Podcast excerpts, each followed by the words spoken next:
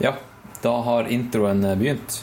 Og da kan jeg jo fortelle at eh, jeg har nettopp spilt inn en to og en halv times lang episode med han godeste.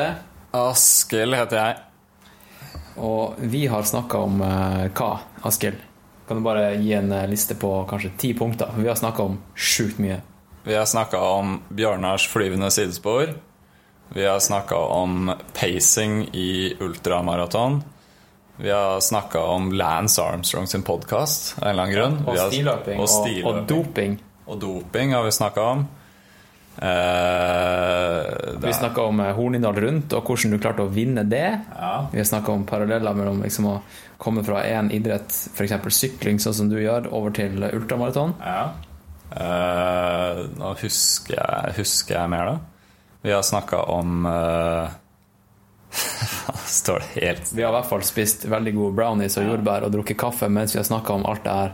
Uh, og det er Vi har snakka om vi har, hva? Jeg tror grunnen til at du ikke husker hva vi har snakka om, Ja. er fordi vi har toucha inn på så sykt mange, mange topics. Ja.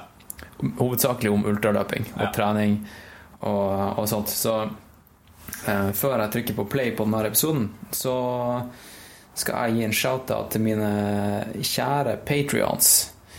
Og um, skal vi se her Jeg tror jeg fikk, jeg tror jeg fikk en ny patron i går, var det, som uh, Da tror jeg at jeg har to stykk som heter Bård. Jeg har to stykk. Så da uh, shout-out til Bård og Bård. Eh, ok, da begynner jeg å ramse opp. Paul, Tyler, Bård og Bård og Mat Mathieu Mat Hva var det? Mathieu. Eh, Robert, Ruben, Remi, Fred, Ole Anders, Margaret, Markus, Jørgen og Tor Erik. Shout-out til dere. Og shout-out til alle andre som støtter meg på Patreon fordi uten dere så er ikke det her mulig, rett og slett. Da hadde ikke jeg hatt råd til å kjøpe inn denne pakken med jordbær til Askild som vi spiste nettopp. Og da hadde jeg ikke kommet. Nei. Jo.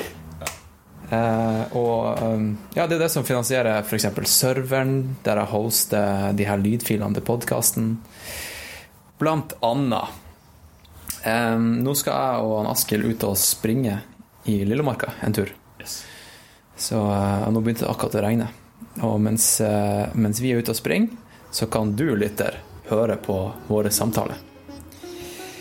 Da sier vi sånn. Takk for i dag. Takk for i dag.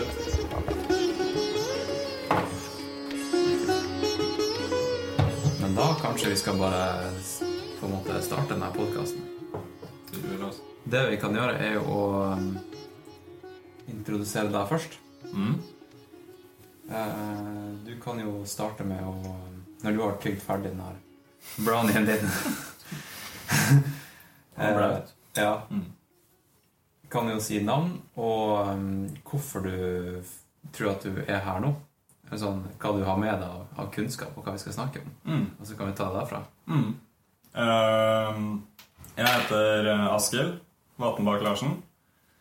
Og har, uh, har uh, drevet med utholdenhetsidrett veldig lenge, men ultraløp ganske kort. Kanskje si to år med ultraløp. To år, Ja. ja. Det er samme som meg, det. Ja, det er samme som deg. For du var skøyteløper Ja. før, sant? og jeg var syklist. Så begge hadde enorme lår. Ja, og prøver jeg har også sykla mye. Ja. Ja. Så låra har blitt mindre. Ja. Ja, samme her. Og rumpa. Ja. Um, og samtidig som jeg har drevet med ultraløp nå i det siste, så har jeg gått på Norges idrettshøgskole og skrevet en master. Og fordi jeg var kjempeinteressert i løp, så begynte jeg å eh, pense meg inn på biomekanikk og løping. Eh, så det endte opp i at jeg skrev en master om samspillet, eller interaksjonen, mellom akillessenen og leggmuskulaturen under løp. Og da Det er jo kjempeinteressant. Det syns jeg er kjempeinteressant. Så da brukte vi eh, ultralyd eh, mens folk løp, for å analysere bevegelse og forkortning av muskelfibre. Ja.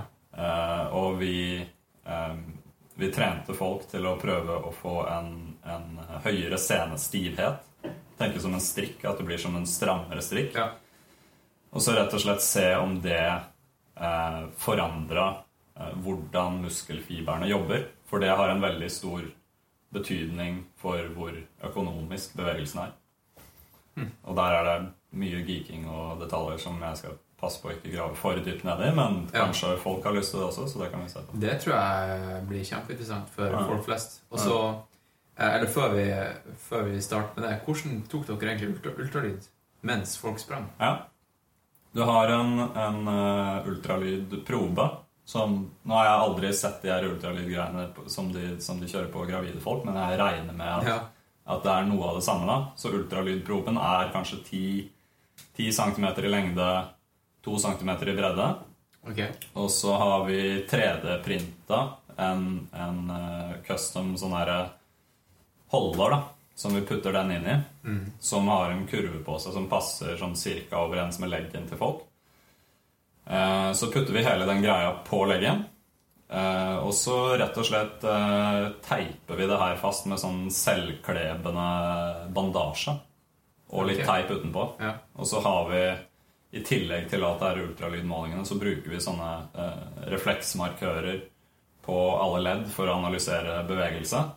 Og de putter vi også på ultralydtingen da, for å sikre at den ikke beveger seg. Ok, den- Så den dere sitter får den til å sitte ordentlig? Den sitter så det dataene blir reell, reelle, liksom? Mm. Ja.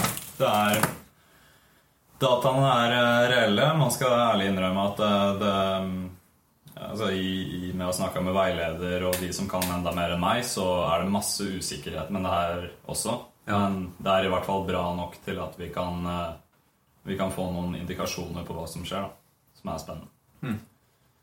Så er det dessverre altså når, Hvis vi kommer oss dit noen gang i diskusjonen her, så er det dessverre ingen klar konklusjon, men det er noen ganske spennende eh, poenger. da. Ja, og så kan vi ta ja, Selv om det ikke er en sånn ordentlig konklusjon, så regner jeg med at eh, som alle forskere har, så har man en eh, kanskje en liten tanke om sjøl Mm. eh, hva hva funnet betyr. Mm. Ja, Mm. Eh, leter du etter den tanken hos meg nå? ja Ja. jeg, kanskje ikke enda, men, eh, men det, det vi også kan si, da eh, Ja, du har vært syklist. Du har peila deg inn på ultraløping, men du vant jo pokker med Hornindal rundt. Det var gøy. Nettopp. Det var kjempegøy. Så det er jo på en måte Det var highlightet ditt i din karriere hittil, var det ikke det? Løpekarriere, ja. Ja. Absolutt. Ok, Hva var highlighten din i eh, sykkelkarrieren, da? Eh, det var ikke Siden du presiserte karriere. Ja. Ja. eh, jeg var ganske aktiv syklist før, og i, i terrengsykkel mest. da. Eh, så highlighten min derfra er fra tidlig, tidlig 20-åra. Mm. Eh, jeg er jo 32 nå, så det er en stund siden. Ja. um, ja, For når ga du, da? Jeg ga meg Jeg tror når jeg var 26, 27, noe okay. sånt noe. Ok. Og så hadde jeg noen år med brakk, og så begynte jeg å løpe. Okay. Så highlighten fra, fra sykkelkarrieren det var ikke en seier. Det husker jeg var en andreplass i en, i en norgescup i Drammen. Som het for P4-rittet for lenge, lenge siden. Okay. Eh, og det var bare Altså, Hvis jeg så på navnene rundt meg og hvem jeg klarte å holde følge med, og sånt, så var jeg bare Det var en dag som, hvor jeg overpresterte noe så enormt. Ja. Men det som er gøy, er jo at sånn som Hornindal det er liksom Hornindal og den dagen er to av de kuleste dagene jeg har hatt som idrettsutøver. Så det er veldig gøy å kunne komme og, og se at man kan prestere en helt ny idrett. da. Ikke sant? Det er gøy. Det er jo ikke så, de er ikke så ulike, de to grenene. Altså, sykkelritt Mm. Du holder jo på like lenge. Ofte. Mm. I hvert fall de dagsrittene Mm. i en push. Mm.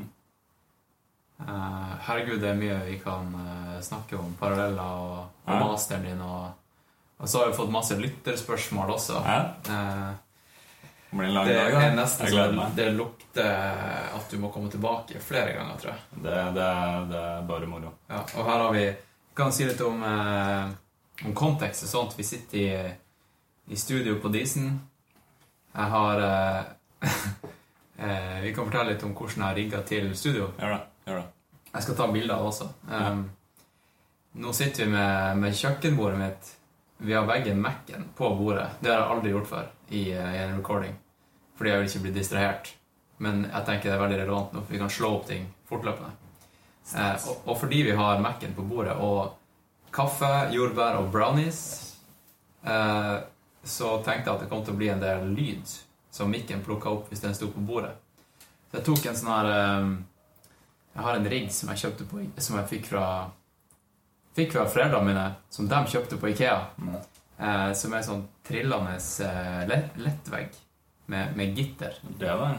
Og den har eh, en sovepose hengende over seg. Eh, og jeg har teipa mikken på denne her lettveggen. Eh, og det her fungerer både som en rigg for mikken og som en eh, lydisolator. Og, Godt akkompagnert av flanellskjortene til, eh, til Hans Christian, som også funker som isolatorer. Ja. Jeg har sett de flanellskjortene i skogen også. Ja. ok, så det, det er jo super hjemme, hjemmesnekra. Jeg er imponert. Det er bra. Eh, og så kan jeg si det at vi har en innringer i dag. Ja? Første gang vi har en, eh, en live på telefonen, tror jeg. Og det er en som heter Petter, Petter Strøm. Og jeg planla å skulle ringe han på Facebook. Og han Petter Strøm han er en eh, gammel eh, kompis av meg. Indirekte venn. Litt mer, litt mer sånn familie, familievenn. Vi hadde en sånn tradisjon på nyttårsaften at, eh, at masse familier møttes. Mm.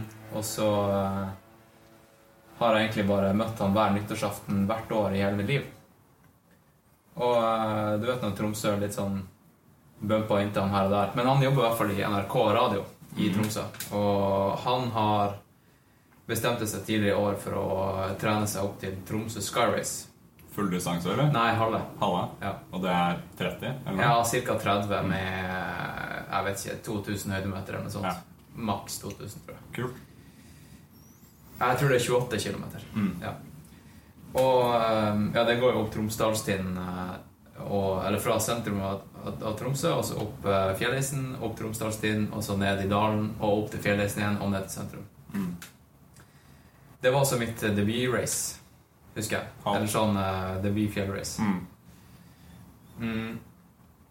Men han har i hvert fall laga en greie på det her da, i NRK, der han eh, Jeg tror han har kjørt flere sånne serier. Eh, der han har liksom gitt lytterne updates på trening og, Mm. og sånt. Og han ringte meg og recorda litt sånn tips og triks for trening mot det racet. Mm. Race. Og nå er jo Tromsø Race rett rundt hjørnet. Det er jo på lørdag. Og i dag Mm. er det torsdag. Mm. Og jeg tipper at han har eh, Det er ikke så mye han kan gjøre nå. Nå burde jeg ikke han bare ligge flatt. Eh, Men jeg vil gjerne høre hvordan det har gått med treninga, og om han er klar.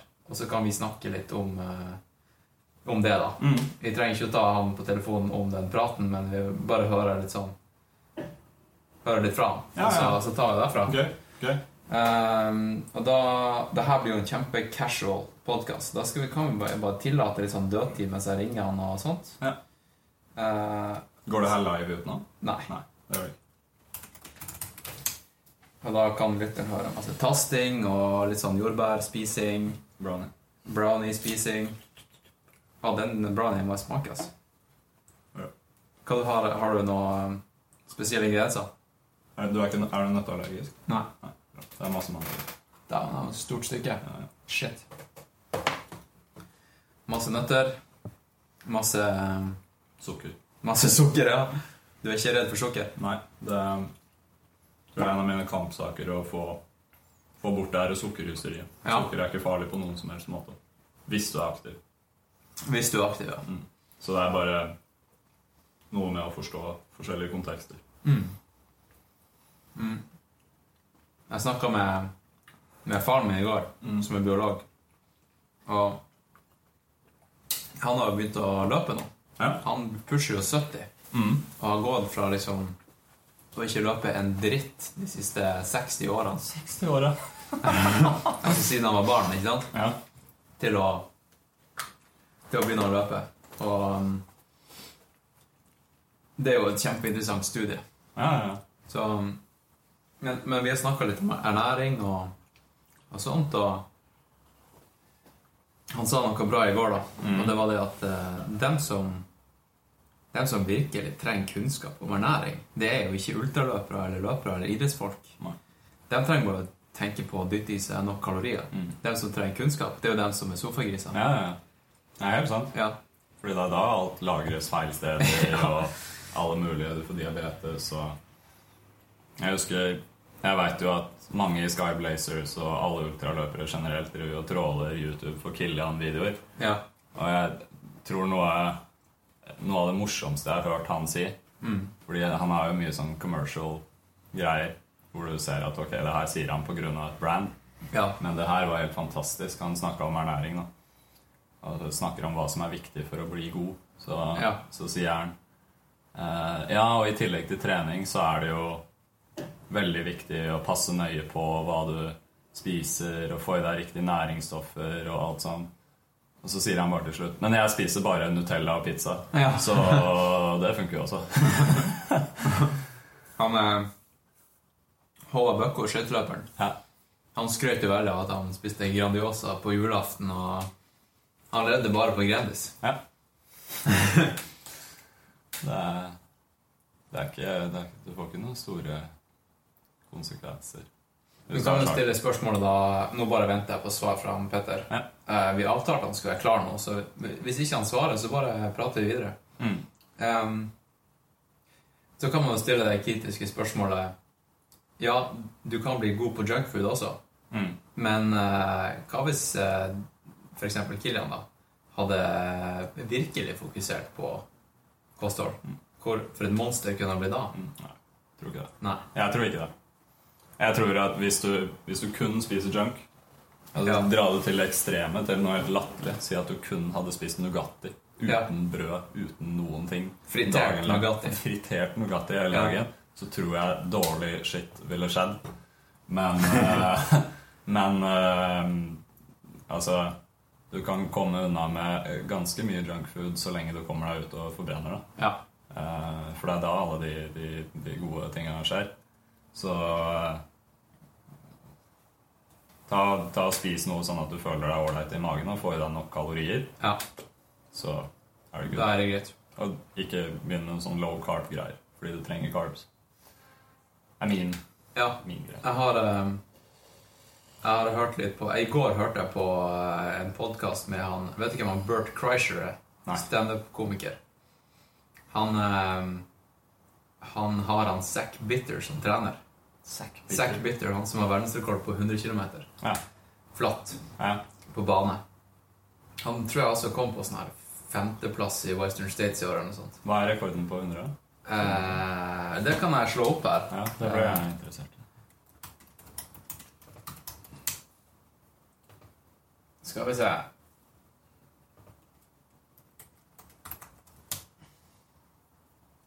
Achievementssackbitter.com Sack Bitter, det er kult navn. Ja. Eh, skal vi se 2000 og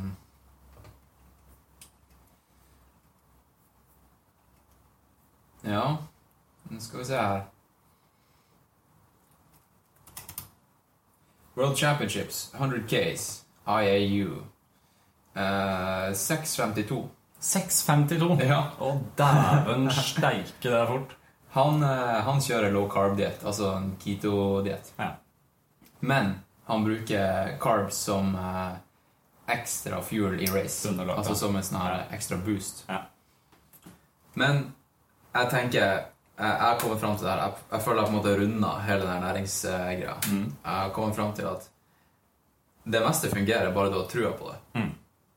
Så hvis, hvis du ikke tror at Hvis du virkelig liksom når du, Hvis du bare ville blitt påtvunget Hvis du ikke hadde noe valg, da. Mm. Hvis du så på McDonald's-mat som uh, jævelen sjøl, Mm. men du ble prakka på av det,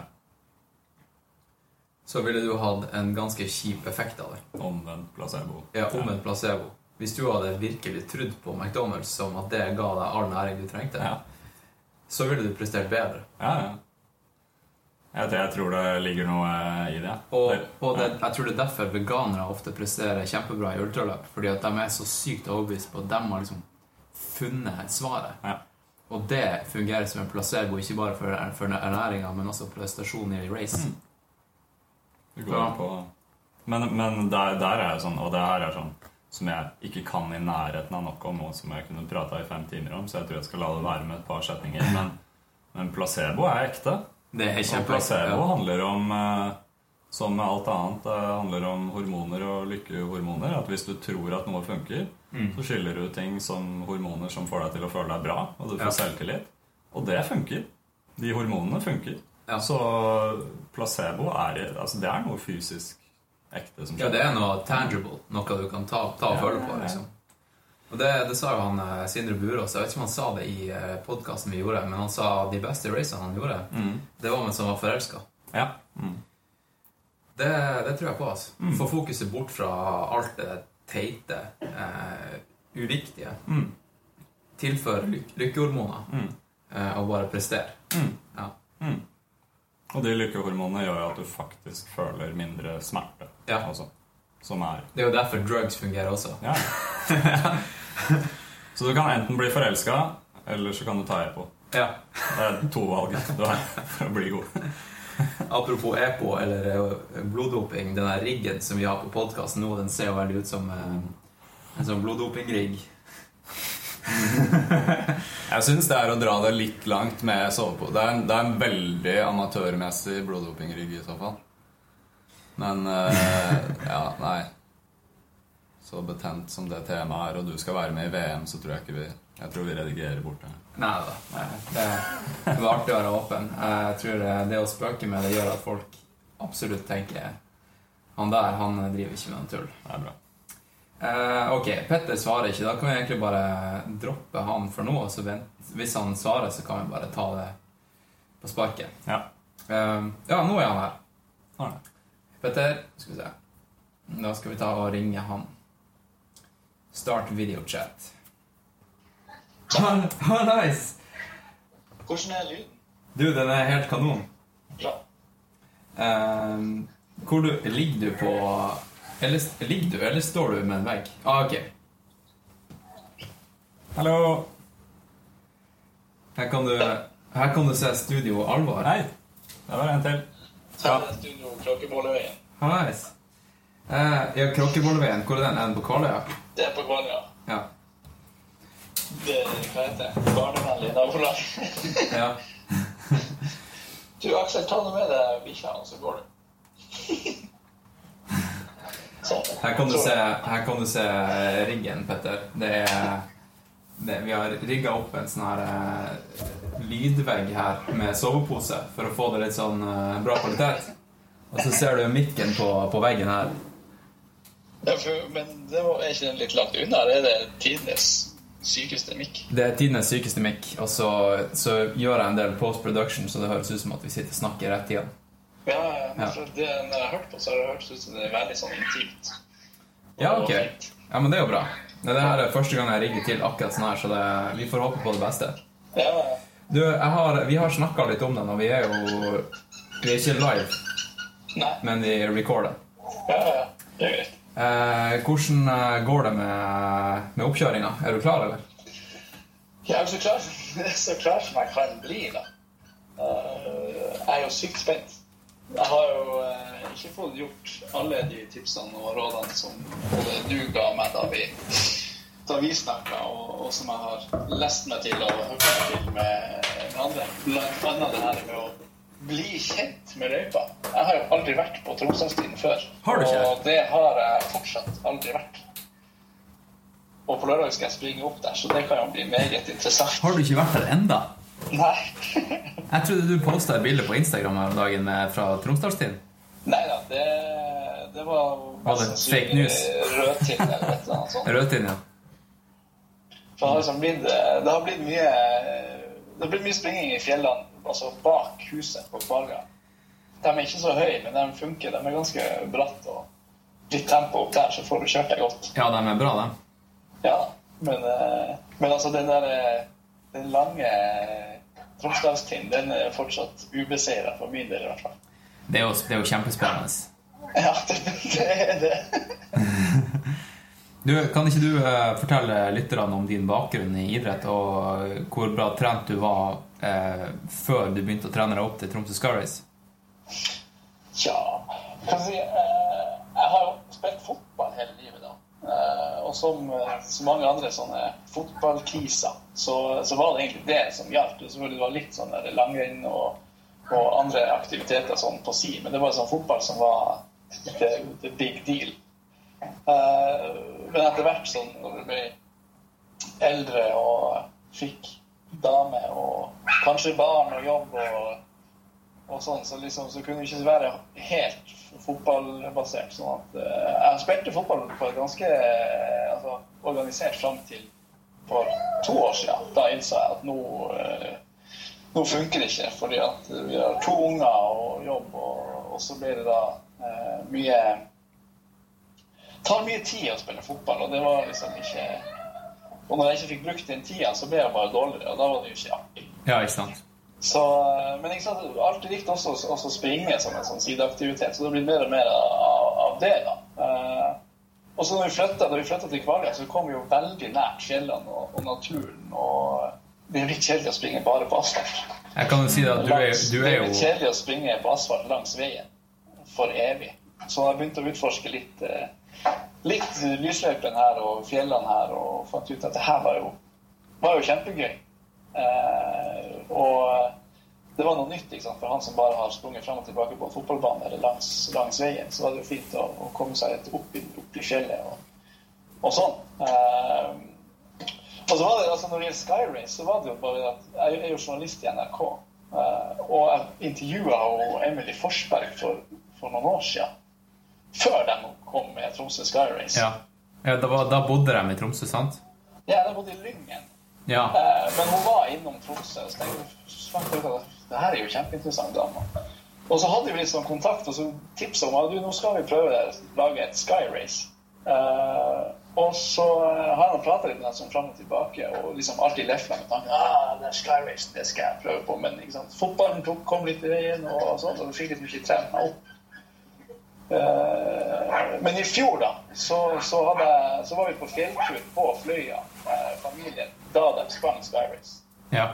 Og da var det et strålende vær og kjempestemning. Og, og eh, ikke minst da kom, vi kom opp til eh, fjellheisen der, så var det jo første drikkestasjon. Der var det jo smågodt og potetgull. Ja. Og, og jeg tenkte at det her, det blir til neste år, i 2018. Ikke sant?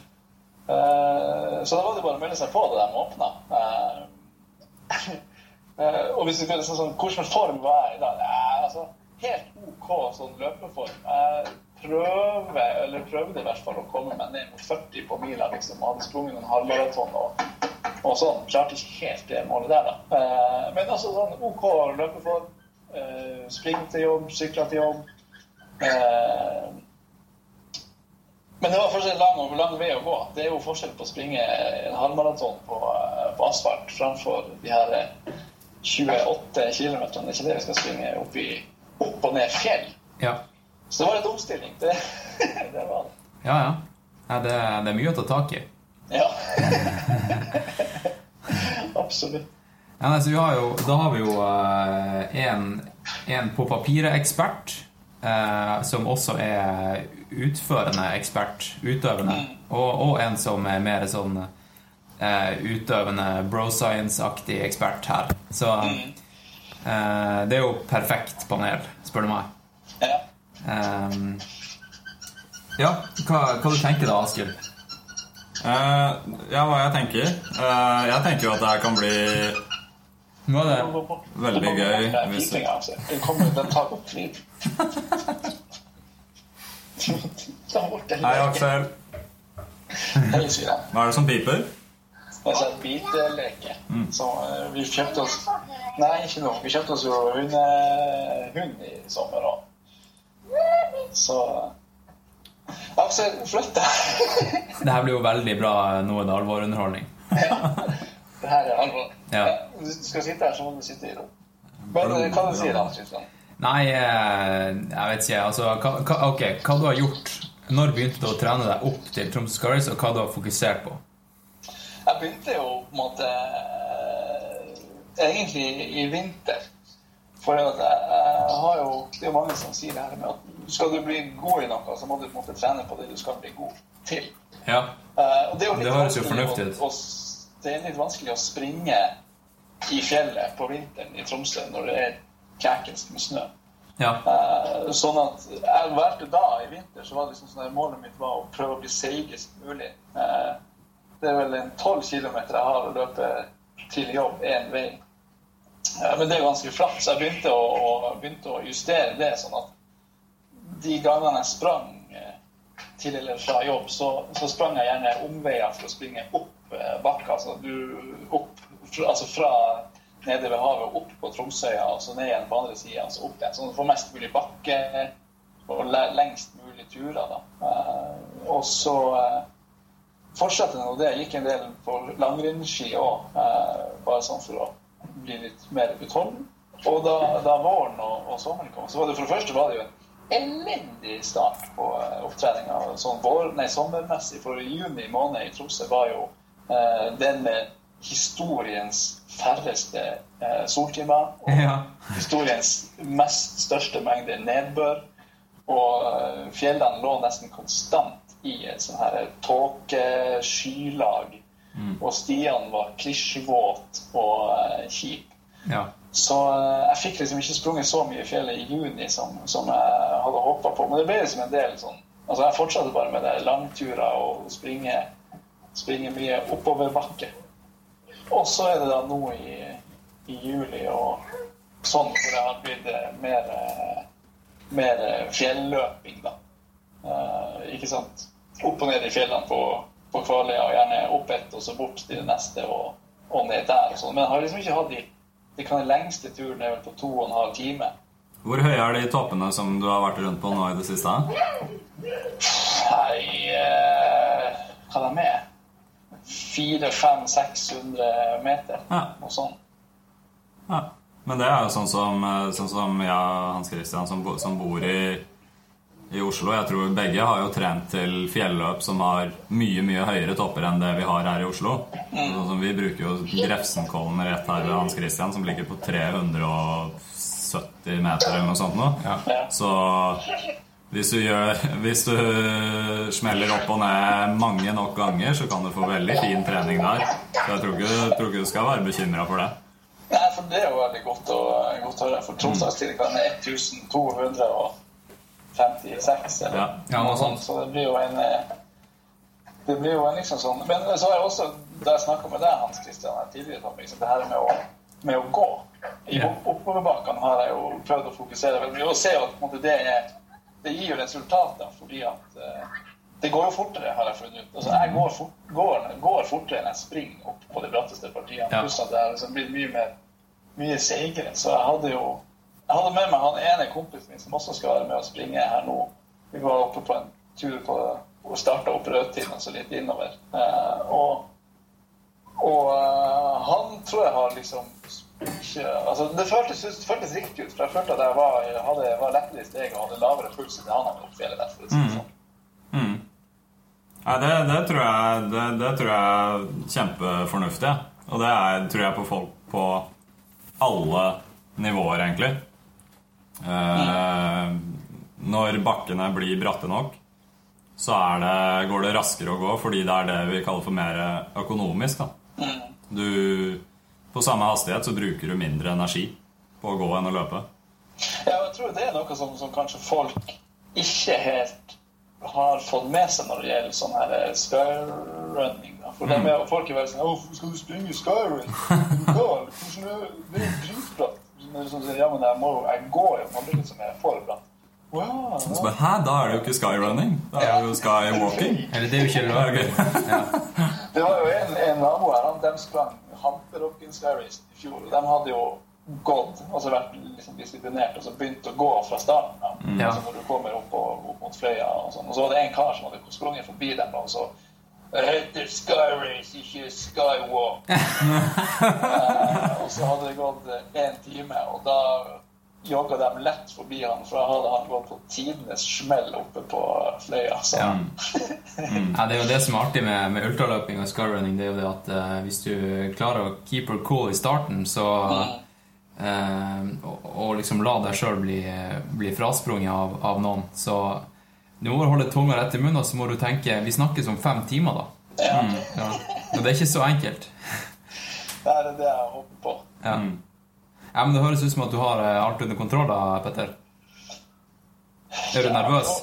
Jeg er altså, både og. Altså, det jeg er mest nervøs for, det føles som det, Når jeg hadde liksom sprunget opp og gått litt opp i fjellet, så føles det greit. Det føles bra.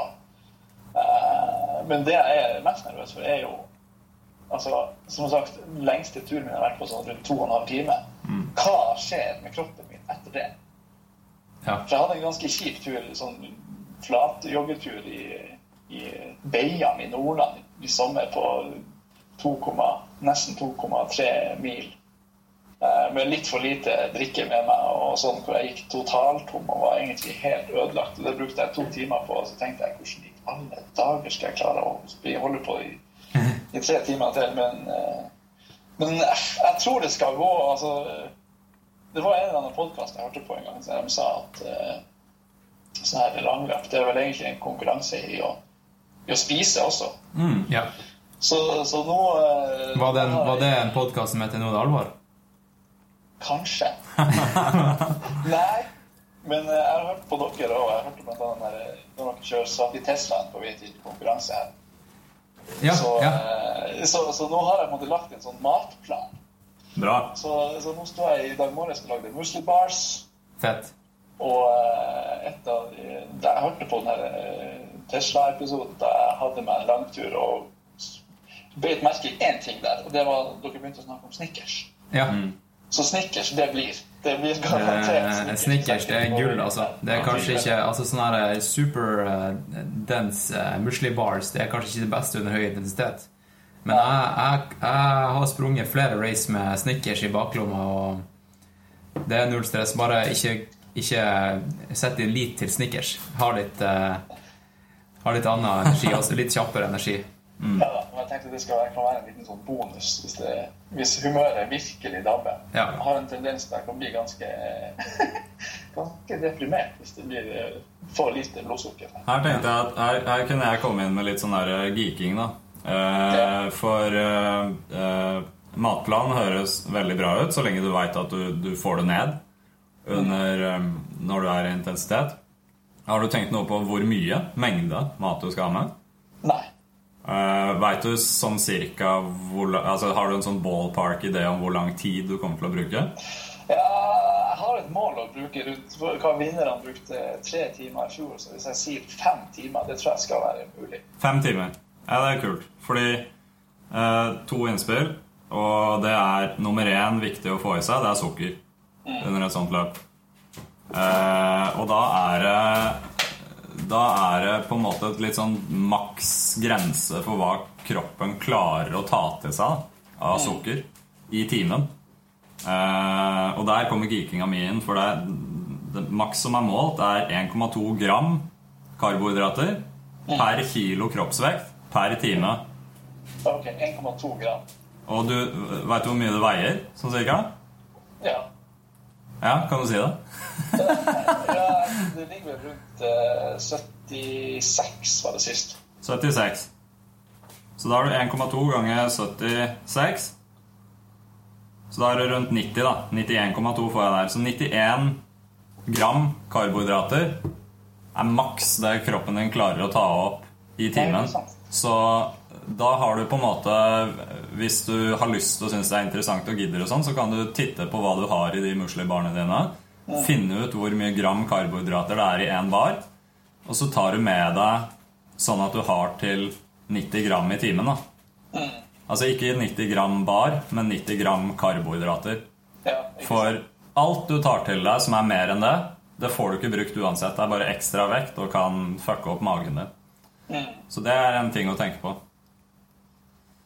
Ja, det er jo, det er jo veldig er det, altså, interessant. Altså, sånn der, eh, blir man sulten på sånn her? Altså, en ting er jo at du får det suget, men altså, plutselig blir du sånn, plutselig sånn supersulten. Kan man bli det?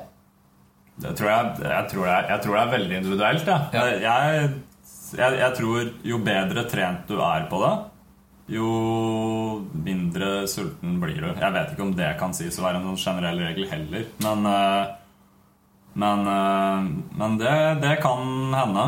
Eh, Jeg fikk faktisk eh, Hvis du snakker om det med mengde mat og sånt Jeg fikk et kjempebra innspill fra en kompis som, som jeg har gått på idrettshøyskolen med i går som sa at hvis du føler at du bør, eller at det føles riktig å ha i deg mer mat enn de 90 grammene i timen, så ta heller til deg noe, noe som, som ikke er bare sukker.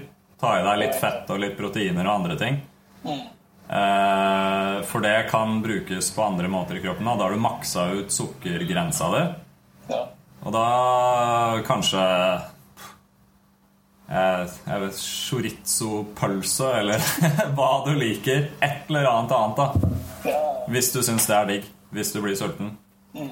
Men jeg, jeg tror det burde holde med, med 90 gram i timen med, med sukker. Tenk deg da, Petter, tenk deg på en, eh, på en arbeidsdag. Du er på jobb i jeg vet ikke, syv-åtte timer. Jeg vet ikke hvor mye overtid du gjør i NRK, men eh, eh, den, eh, eh, Hvor sulten blir du på en arbeidsdag? Altså, hvor, hvor sulten er det mulig å bli på fem timer? Ikke sant? Eh, jeg tror ikke du kommer til å oppnå det samme sulten en gang som du gjør når du er rundt lunsjtider på det racet der. Nei, ikke sant. Så det- det, det er jo noe annet når man er i aktivitet og sånn. Ja, det er noe annet, men det, ja, ikke sant? Så det, eh, for eksempel da UTMB, som, er, som går eh, 170 km, ikke sant? Der er det jo noen som kun lever på gels. Og på, eh, altså. ikke sant? På, på, på 20, mellom 24 og 30 timer. Ja, det høres litt grusomt ut. Ja. Men også er det noen som, lever, som, eh, som overlever på kun fast føde som de får på stasjoner. For eksempel, der serverer de veldig mye ost og bagetter. Um, fordi det, det er liksom rundt Alpene. Eh, så det, det, det er mye som fungerer. ja, jeg satser bare på at eh, Og skulle det, skulle det bli magesjø, så er det jo bare å sette seg og gjøre en jobb. Det er jo, det er jo de fineste omgivelsene å ha magesjø på. Men, men nå når jeg har dere, altså sånn, nå når det er to dager igjen, hva er det, burde liksom, hva er det vi burde tenke på uh, før det, da? Slapp. Slapp, slapp av. Ja. Ja. Uh, få, få det praktiske unnagjort tidlig, så tidlig som mulig, tenker jeg. Så du slipper å stresse over det på løpsdagen eller dagen før. Da ordner alt det praktiske i dag. Og i morgen når det er racebrief med han Kilian og gjengen på, på hotellet, eh, da skal du bare komme dit og få den informa informasjonen og hente startnummeret. Du skal ikke tenke, du skal ikke tenke på Utfordringen der er at da er jeg på jobb. her kveldsvakt. Ah, shit. Ja, ja. Det burde du få med deg, altså. Ik Jeg tenkte ikke ringe han der Sverre i Sverrevisen i dag og snakke litt med han. Ja, det, Vi skal lage, vi skal jo lage reportasje på det her også.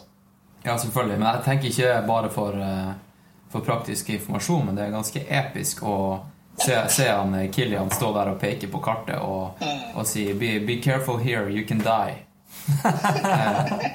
Det, er bare, det er bare det som er fett. Du, altså, løypa kan du lese på egen hånd. Den kan du jo. Kanskje jeg må snike meg ut seg. Ja, jeg ta, prøv, prøv å prioritere det. Det er ganske fett. mm. Ja. Ja, nei, slapp av og eh, sånn. Det skal jeg prøve. Det skal jeg klare. Og Ja. spis godt. Det, det tror jeg også er sånn eh, Matplan til under løpet er viktig, men det er også Når det er såpass lenge som fem timer, så er det Du trenger ikke drive og overspise noe helt forferdelig, men eh, ha som en sånn tommelfingerregel at du ikke én time av døgnet hvor du er våken, skal du gå rundt og være sulten nå de siste Nei, to dagene. Pleier jeg å tenke i hvert fall. Nå, ikke, ikke prøv noe nytt. Nei. Ikke, ikke, ikke bli sånn her eh, ki- eh, ke- keto-diett-kis dagen før. Nei, nei, vet du hva. Jeg hadde en samtale med noen i helga om det der. Jeg skjønte ikke hvordan de klarer det. Men det er opp til dem. Ja, ja. Så nei, det, det, det høres jo bra ut. Det er noen av dere som, altså, som dere vet om som skal komme opp og springe. ja, vi har jo en bunch fra Skyblazers. For da Jeg tror vi har sånn fem løpere som skal opp. skal de ta Hamperokken eller Tromsø. Eh, Jeg tror det er Jeg tror alle skal ta hamperokken. Ja, ikke sant? Ja, det får bli steg to for min del. Jeg må teste det her først. Men alle der er, er jomfruer på hamperokken. Så det, det er ganske interessant. Ja, det kan bli interessant, for det, er jo et, det var jo en heftig ulykke i går i fjor med det er Hillary Allen. Hillary Allen, ja. Men hun, tror han var sikrer det. Han sa det, han der Skyrace, hans pressemann, at de har, de har trappa opp eh, sikkerheten der på fjellet etter det som skjedde i fjor. de har det, ja. Det jeg syns de også burde gjøre, er å kanskje sette noen limits på fotografer og droner og sånt, for det kan sette folk litt ut av eh, flytsonen når det kommer til sikkerhet. Jeg ble skremt av han der, eh, han der Ian Corliss, som er han der skyrunning-fotografen.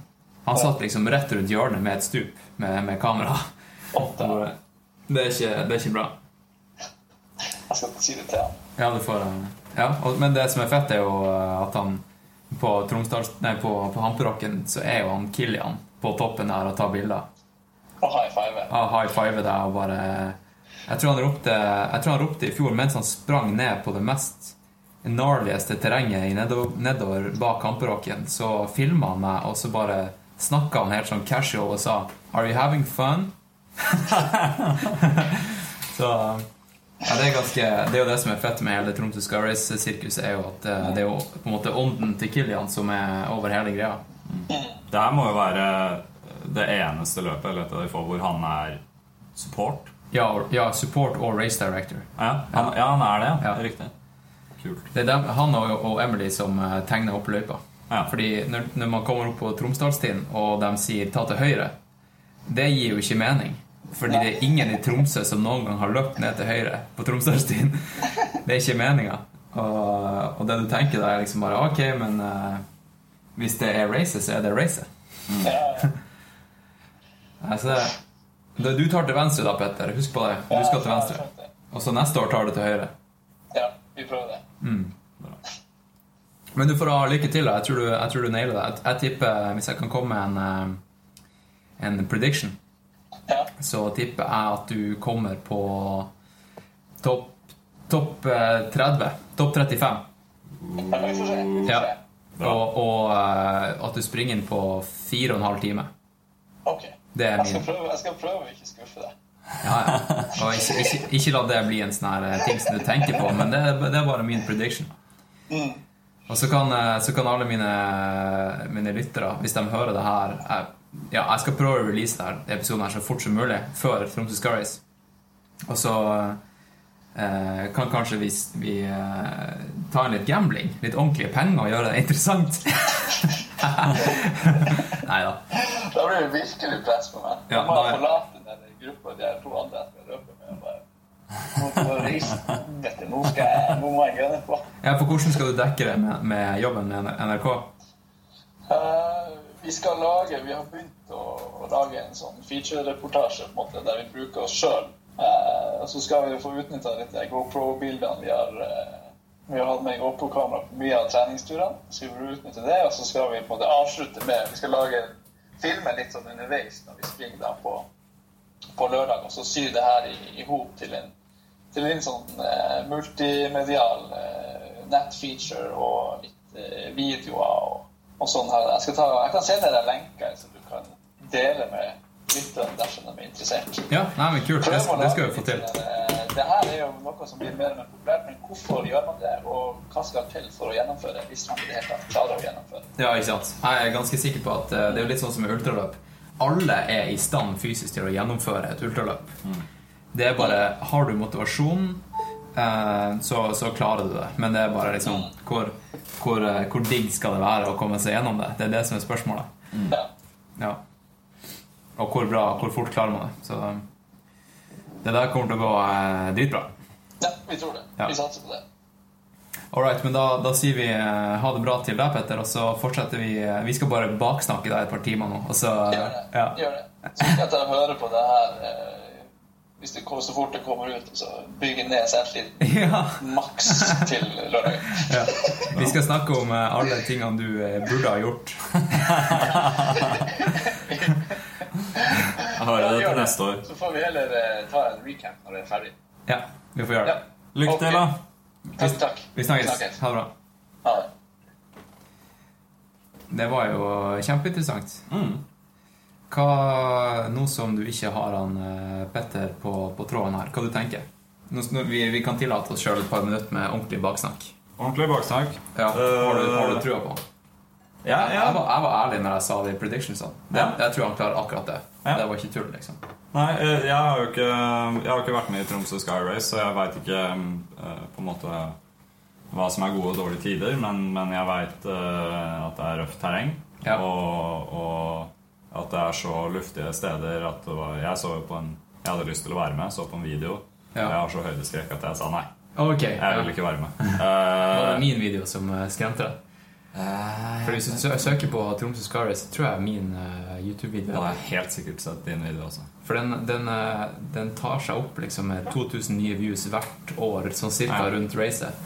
Eh, så den er ganske høyt oppe på, på lista. Da var jeg sikkert der inne i fjor. Eh, men, men jeg, jeg syns eh, Tidligere fotballspiller, da har du løpt en del. Han har brukt bakkene i, i nærheten av der han bor, Ja. som akkurat det vi gjør her. Nå fikk vi ikke helt sånn mengde med trening han hadde i uka, men jeg tror at Jeg syns det virker som han har tenkt gjennom ting og kommer til å fullføre på en fin måte. Ja. Det, det tror jeg er det viktigste, egentlig. At du er liksom mentalt innstilt på det. Jeg husker før eh, Altså et halvt år i forveien. Mm. Hvis du kan liksom bare hver dag fokusere litt på det, Mm. eh, så er det Selv om du ikke hadde fått gjort en dritt med trening, Mm. så er det liksom Da har du kommet sykt langt. Ja. At du er mentalt forberedt? Ja. ja, ja. Ja. Absolutt. Du kan ikke stille der eh, du kan, du, kan, du kan ikke stille til et sånt race kun fysisk forberedt. Nei. Du må være mentalt forberedt. På grunn av terrenget? Eh, ikke fordi det er så gnarlig, men jeg tror at eh, du kan ha, være begava fysisk og stille til race, men hvis ikke du er mentalt forberedt på, hva, på smertene, Ja. så, så går det ikke bra. Ja. Mm. Så det er en sånn eh, balansegang da, Mm. med om, liksom, mellom eh, hvor bra du er trent, og hvor bra mentalt trent du er. Mm. Og det må være Ja, det, det er bedre å være bedre mentalt trent enn fysisk trent i ultraløp, spør du meg. Ja, da, ja, da er vi på forskjellige steder der. Men, Ok, eh, ja. men det er helt greit. Ja, ja. Eh, Men du, du eh, det er jo bare min eh, bro science-hjerne som tenker det. Jeg har jo ikke studert det. Nei, og, og jeg har heller ikke studert uh, uh, idrettspsykologi eh, og mental trening, selv om jeg har bitte litt emner der, men det kan jeg nesten ingenting om. Men det er bare sånn Det er min bro science. Eh, at uh, Basert på real science. Ja, det her er Ja, det, er, det er liksom Det mikser seg inn med litt real science, for jeg søker søker ja. alltid opp ting og sånt nå, men, men jeg har en sånn følelse at sånn som i, i f.eks. sykling som jeg har drevet med, eller ultraløp, hvor det er de der smertene som du må jobbe deg gjennom Ja. Så jeg føler i hvert fall at den beste mentale treninga er å gjennomføre det sånn at du kjenner på de smertene på trening, Det er Ja. og så lærer deg å akseptere det. Og det er kanskje den beste sånn mental treningartikkelen jeg har lest noen gang, er eh, eh, det beste du kan gjøre når du kjenner akutt smerte, ja. eh, det er å eh, legge merke til det, anerkjenne det og akseptere at smerten er der, for da kan du gjøre noe med det mentalt. Ja. Hvis du sier Oi, oi, oi, det her er skummelt. Jeg vil fortrenge den smerten, og at jeg er her og har det så vondt. Ja. Da kommer det til å gå saktere. Du må Ja, anerkjenne at det er der. Ja. Det høres ut som meditasjon. Du lar, Ja. uh, ikke, jeg, jeg driver ikke med meditasjon, men alt jeg har hørt om det, er liksom La, la alle dype tanker komme, og bare la dem seile videre. Anerkjenne. Mm. Og det tror jeg liksom Selv om det er mange, mange som driver med løping, som ikke driver med meditasjon, så tror jeg de indirekte gjør det. Mm. Uh, på den måten, da. Um, ja. Men det høres ut som eh, Jeg tror han kommer til å naile det. Mm. Jeg tror han kommer til å måte, Det er jo veldig sånn typisk førstegangs uh, ultraløper at uh, uansett prestasjon så er det en overprestasjon for sin egen del. Mm. Sant? Mm. Men skal vi get nitty-gritty med litt Nitty-gritty. eh, science? Dine studier og, og, og slikleis. Ja. Du har med deg datamaskin, sikkert masse flotte grafer. Nei. Nei. Jeg har ikke uh, jeg, jeg tenkte da at, at um, Jeg har jo et kjøleskap, vi kan tegne på det. Et grafer. Det kan vi også gjøre. Ja. Ja. Nei, det, det er litt sånn um, uh, vi, vi lar samtalen flyte her og sånt, og det, det tror jeg blir best. Og vi har jo kjørt innom lytterspørsmål ennå. Nei, nettopp. Og det var det jeg tenkte på nå. Fordi siden jeg ikke har gjort noen jobb med å liksom lage en agenda for det her, eh, og at vi egentlig har latt det flyte nå, så er det jo eh, vår gode løpevenn Bjørnar Eidsmo. Han har jo Altså, det her er veldig mye personlige spørsmål til meg, men det er jo en slags agenda. Ja, la- la- la fra jeg bare så på de spørsmålene at der kan man liksom stikke av sånne avstikkere avstikker underveis og, og eh, spesielt det første spørsmålet her, da. Ja. Eh, fordi som sagt så vant jo du Hornindal. Ja. Uh, 75 km, det er syv fjell. Er det ikke ja. sånn? Jo. Uh, hvor mange høydemeter er det? 5000? 5006. Ja, ikke sant? Ja. Uh, og da er spørsmålet til Bjørnar hva kreves for å vinne Hornedal? Mm. Og uh, da husker jeg jo at uh, vi sprang sammen for to dager siden på Ja. Stirsdag, Stirsdag. som er den fellestreninga vår. Um, og da spurte jeg deg kjapt hva er dine main takeaways fra, fra Hornidal. Mm. Og da kan du jo si det, da. Ja, jeg kan si det jeg sa da. Ja. Og, og det er veldig lite Altså det blir en kontrast til vitenskapelig geeking. Det blir så enkelt som du får det. Du må løpe masse i fjell for å bli god til å løpe masse i fjell. det er, og, det, og det er en sånn ting som jo mer jeg studerer det her, jo mer jeg går inn i detaljene og sånt nå, som jeg syns er kjempeinteressant, og som jeg tror legger god basis for å trene riktig og sånt nå. Ja. Men du kan gjøre det så enkelt. Du trenger ingenting av det her. Du trenger ikke noe bachelor- eller mastergrad fra NIH. Du trenger ikke det her. Du trenger bare å vite Skal du bli god på noe, som jeg tror Petter sa det også, Ja. så må du trene på akkurat det. Ja. Og, og eh, passe på å ikke gå i den fella at si at du skal løpe 75 km og 5600 høydemeter. Det betyr ikke at du går ut, ut og gjør det her i Oslo. Du løper ikke 75 km opp og ned til Grefsen, men du trenger en god del kilometer, mengde, og du trenger en god del høydemeter. Både for å bli flink til å løpe og gå oppover, men også for å løpe ned igjen. ja. Eh, som er da et argument for å løpe det her ute og ikke på tredemølla, syns jeg. Ja. For der får du ikke løpt ned igjen. Eh, og så er det fint å switche opp litt med, med intensiteter og kjøre noen hardere økter og masse rolige økter. Men eh, alt det her eh, detaljene og intervallengde og alle de tinga her, det syns jeg blir litt underordna. Bare løp høydemeter. Løp kilometer. ja. Ja.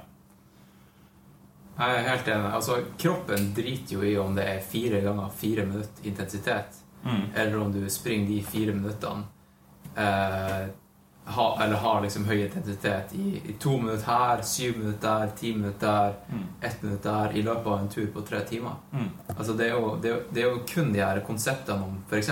fire ganger fire eller seks ganger seks Mm. som er blitt de konseptene fordi at på en eller annen måte så må det settes i system for å kunne forske på det. Ja. Ikke sant? Ja. Og det er derfor de har brukt de her, eller det er derfor vi har hengt oss opp i de tallene. Mm. Det, det, går- det går ikke an å si eh, spring nå litt eh, fort her og der i løpet av en eh, tre timers tur, Ja. og så blir du sikkert god. Ja. Eh, det er min main takeaway av de her intervallene. Men det er i hvert fall en måte å sette det i system. Og du må, du må, forskning handler om å standardisere ting. Ja. Og, og hvis du skal få noen gyldige resultater, så må du standardisere ting noe helt enormt. Men ta drit i å standardisere ting så fælt på trening. Spesielt hvis du vil ha det gøy. For du kan få like mye ut av det med å, å kjøre det som vi kaller for naturlige intervaller, sånn som du sier Ikke sant? Den bakken bare tilfeldigvis tar deg 20 minutter. Ja, Pace på 20 minutter. ja. Ja. Jeg synes det er en ting, bare sånn direkte til spørsmålet til Bjørnar. Hva kreves for å vinne Hornindal? Så vil jeg, for å si på min prestasjon For jeg var med på Hornindal i fjor og i Ja. år. Uh, I fjor eh, var jeg ikke like erfaren. Uh, jeg stilte til start. Jeg brukte 12 timer, kom på 16.-plass. Ble slått av to veldig gode damer også. Uh, og jeg følte jeg De der eh, Elcott Helander-tvillingene. Riktig. Badass. Ja, de var rå, altså. Ja.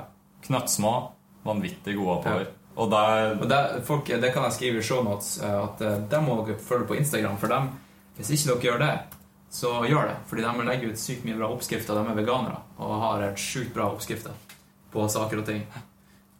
Ja, gå an. Null stress. Null stress. Nei, det var, det Altså, eh, bare for å si hva som kreves. I fjor så gjorde jeg ikke det som kreves. Eh, og det var det at jeg innså ikke Jeg kjente ikke løypa. Jeg visste ikke hvor bratt det var. Så det jeg gjorde, var at eh, jeg var her i Oslo, og jeg tenkte jeg må løpe motbakke. Så da løp jeg på asfalten opp til Tryvann. Ja. Det var det jeg gjorde. Jeg løp mye på asfalten opp til Tryvann. Og jeg tror maksimalt antall høydemeter jeg hadde på én uke før der, er kanskje 2000. Ja. Det, og, og jeg hadde ingen forhold til det. Og, og det viste seg at det er ikke det som kreves for å vinne. Ikke for å vinne, men du presterte jo fortsatt bra, ikke sant? Helt ok. Det, ja, men, det, så, så det høres ut som en bra plan hvis du skal prestere bra. Ja. For å vinne, hva gjorde du da? Da tror jeg den store forskjellen var eh, jeg og Steffen, som kom på fjerdeplass i Hornindal Rundt. Han er min eh, beste treningskompis. Ja, Han kom jo på fjerde i år. På fjerde i året. Ja. Og det er hans eh, andre fullførte ultraløp. Ja, Han, han var med på Eco Ja. Trail. Det var det første ultraløpet han fullførte. Kom på femteplass. Ja. Hornindal fjerde. Veldig kudos. Ja, det er rått. Det er rått. Ja. Det har kommet litt sånn under radaren, egentlig. Ja, ja. Det er helt sjukt. Shout-out. Ja, nei, men han, ja, shout-out til, til Steffen eh, Bruflat. Veldig motivert, veldig, veldig talent, og han kommer til å bare bli bedre. Ja. Så det vi gjorde i år, for vi har trent masse sammen eh, Nummer én, finn deg en, en som er kul å trene med, for da trener du mer. Uh, vi leverte masteren vår i, i slutten av mai, og så tenkte vi at det her er en, nå gir vi oss selv en treat. Nå stikker vi til uh, familien til Steffen på Vestlandet i ti dager og gjør noen ganske simple ting. Og det er å spise, sove, løpe i fjella, og så jobba vi litt med å forberede forsvaret av masteroppgaven vår. Det var det vi gjorde de ti dagene. Og da logga vi første uka så logga vi 135 km, som kanskje ikke er så ekstremt, men vi logga 11 000 Ja, høydemeter. Ja, Ja. Og det har jeg aldri gjort før. Og jeg ble overraska over hvor bra kroppen responderte på det. Så 11 000 høydemeter kontra 2000. Enkelt å si at tåler du det, ja. Det er jo er det 9000 mer høydemeter. 9000 mer høydemeter. Ja.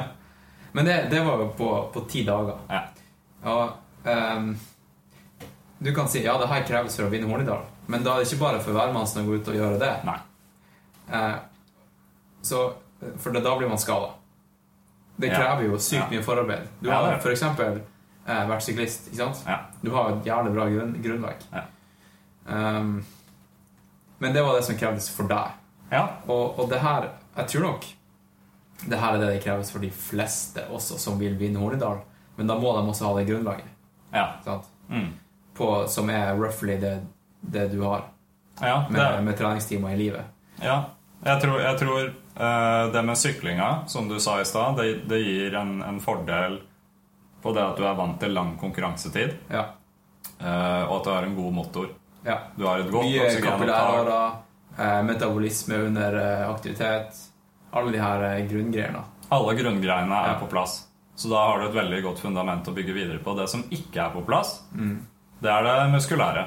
Ja. Det er um, løpemuskulaturen i Ja, beina. poundinga, liksom. Pounding. Ja. Og, eh, og det Altså, jeg kunne ikke gått rett fra sykling og så smelt til Vestlandet og kjørt 11 000 høydemeter uten å bli skada. Det er klart. Så det For å si hva vi, hva vi lå på, eller i hvert fall hva jeg lå på Jeg legger jo ikke ut ting på Strava. Eh, ganske bevisst, egentlig. Ja. Eh, jeg, eh, Bare sånn kjapt, eh, Er det fordi at du ikke vil la deg stresse, eller er det fordi at du ikke vil eh, vise hemmelighetene dine til eh, konkurrenter? Eller bare tenker du det den, det er ikke vits? den første grunnen er at jeg har trent og ført treningsdagbok og trent systematisk veldig mange år i løping. Ja. Nei, i, i I sykkel. Ja.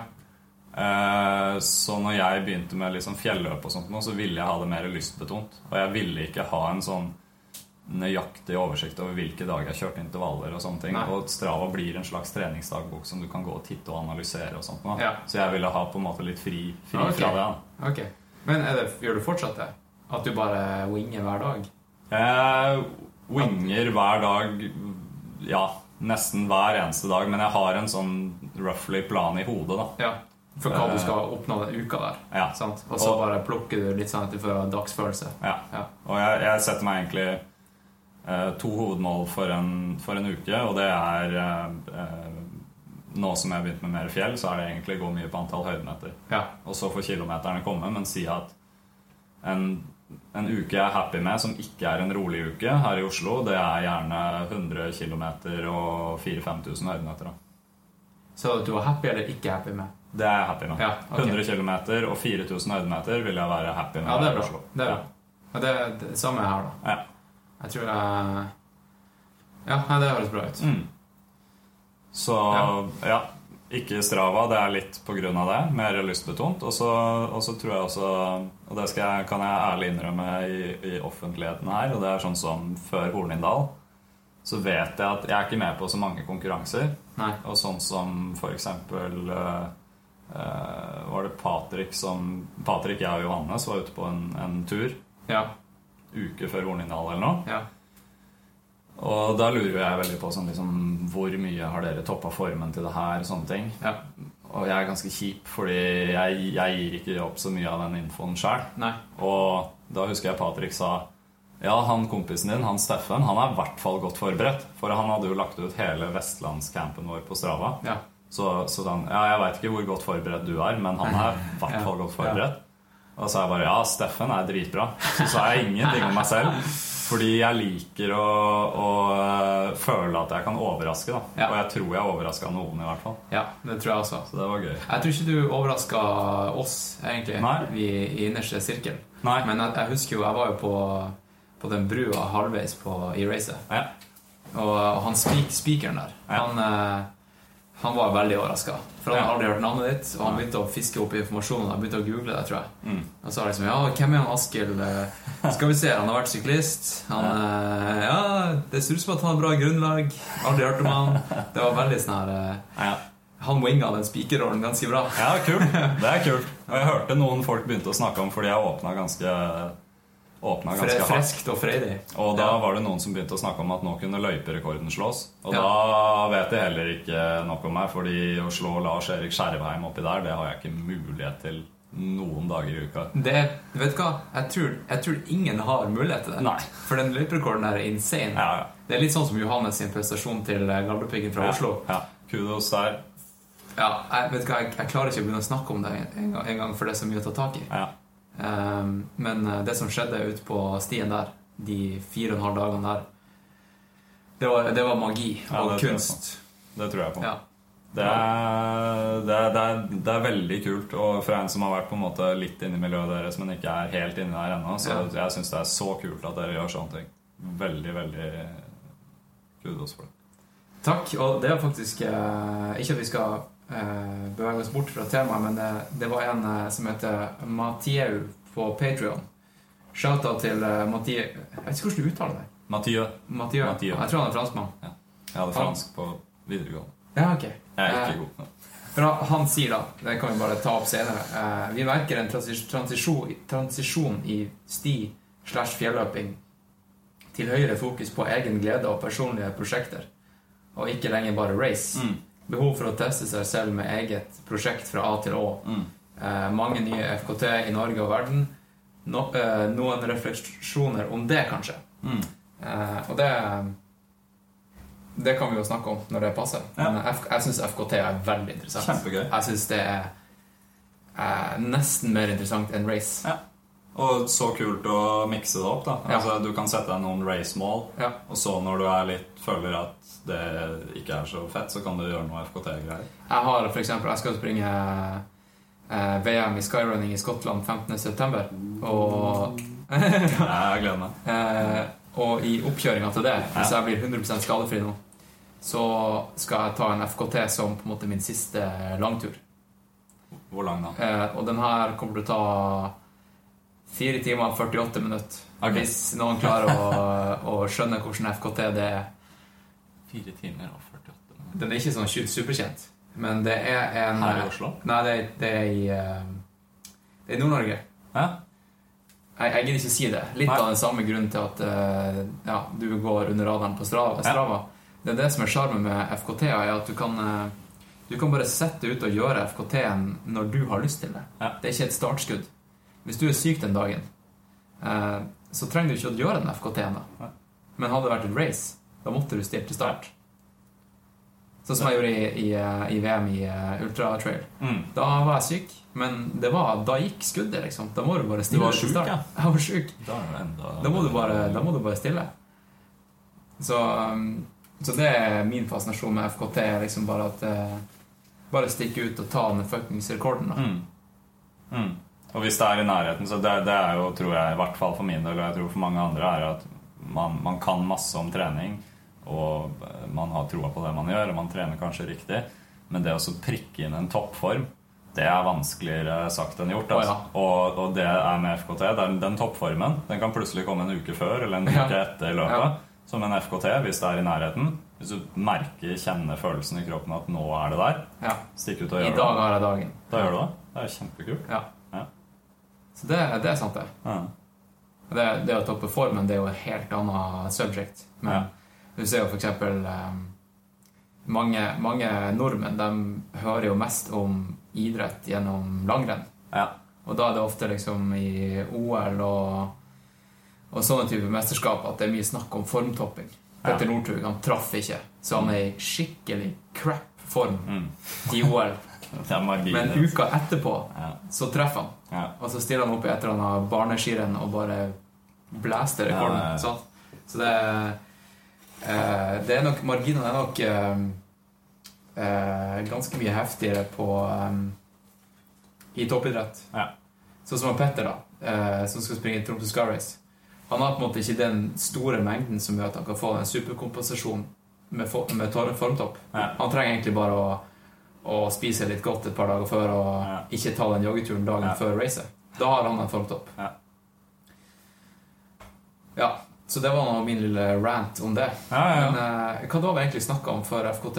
Nei, det var, det var liksom spørsmålet til Bjørnar her med hva kreves for å vinne Hornindal. Ja. Så jeg tror jeg, jeg tror i hvert fall vi har sagt hva som krevdes for meg. ja. Og det er viktig å si at det eh, Det som funker for én person, funker ikke for alle. Så, men jeg tror eh, eh, Skal du løpe Hornindal, som er et fjelløp, masse fjell, masse kilometer Løp masse kilometer, og løp masse fjell. Han eh, Zack Miller, vet Ja. du hvem han er? Ja. Eh, amerikaner. Han er jo kjent for eh, Det her har på en måte blitt hans story, da. Mm. Hans breakthrough i, i, i terrengløping var jo mens han jobba på et cruiseskip. ja det Så han trente jo på den her eh, Stairmasteren og sprang trapper ja. på cruiseskipet Ja. og på tredemølle. Ja. Og rundt og rundt på den båten her. Eh, og eh, gikk i land på Island eller noe sånt. Og stilte til start på et race og bare knuste hele verdenseliten. Eh, så det, det er mange måter å vinne race på. Ja, ja det er rått. Eh, Cruiseskip. Men eh, ja, jeg har også hørt folk som springer ut til en B, som sier eh, Og det her er liksom det, den grove oppskrifta til alle eliten, da. Er liksom tommelfingerregel. Eh, spring distansen til racet på en uke. Mm. Så de, som er 160-170 km. Mm. Og få 10 000 høydemeter. Mm. Mm. Det høres jo veldig likt ut. Hornedal. Da, jeg, jeg, jeg tror det er eh, et veldig fint tips av noen, noen få grunner, og det er Nummer én, det der, Da har du gjennomført den distansen, men du har ikke gjennomført det i ett. Nei. Som er veldig viktig fordi, av én grunn, og det er det at hvis du, hvis du gjør en så lang økt, eh, som også selvfølgelig konkurransen er, så øker skaderisikoen noe helt enormt. Ja. Og du utmatter deg selv, og du kan få Altså, du får Den beste treningseffekten får du av den totale Eller altså, det er den totale mengden din med kilometer og høydemeter som betyr noe, framfor hva du gjør på én økt. ja. Du klarer jo ikke å gjøre altså, Det her kan høres litt sånn kjipt ut å si, men Men én fantastisk økt en dag hvor du følte deg sjukt bra og løp langt, det gjør ikke så stor forskjell som det du tror.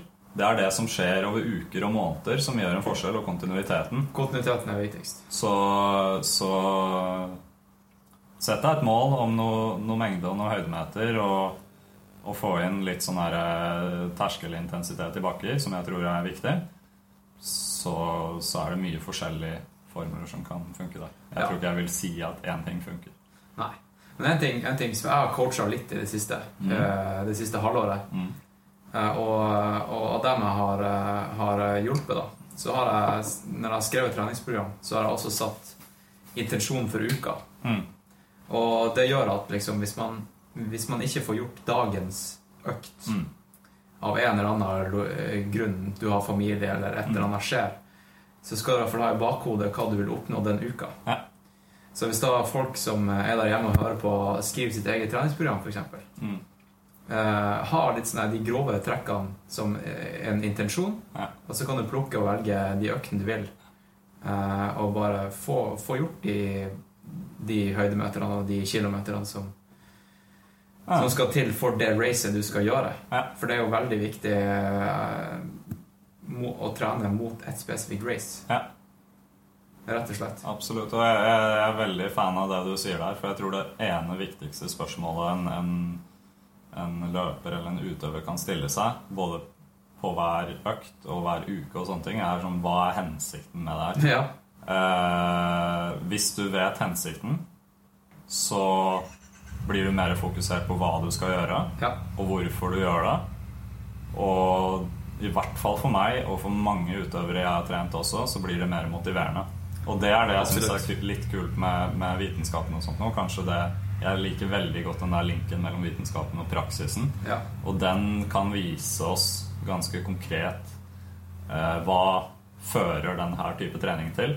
Og da finner man ut hva hensikten er. Ja. Så da kan jeg si til en utøver Du gjør det her av det og det. Ikke sant? Og det, det funker jo dritbra. Og da, hvis argumentet bare er fordi jeg sa det, Mm.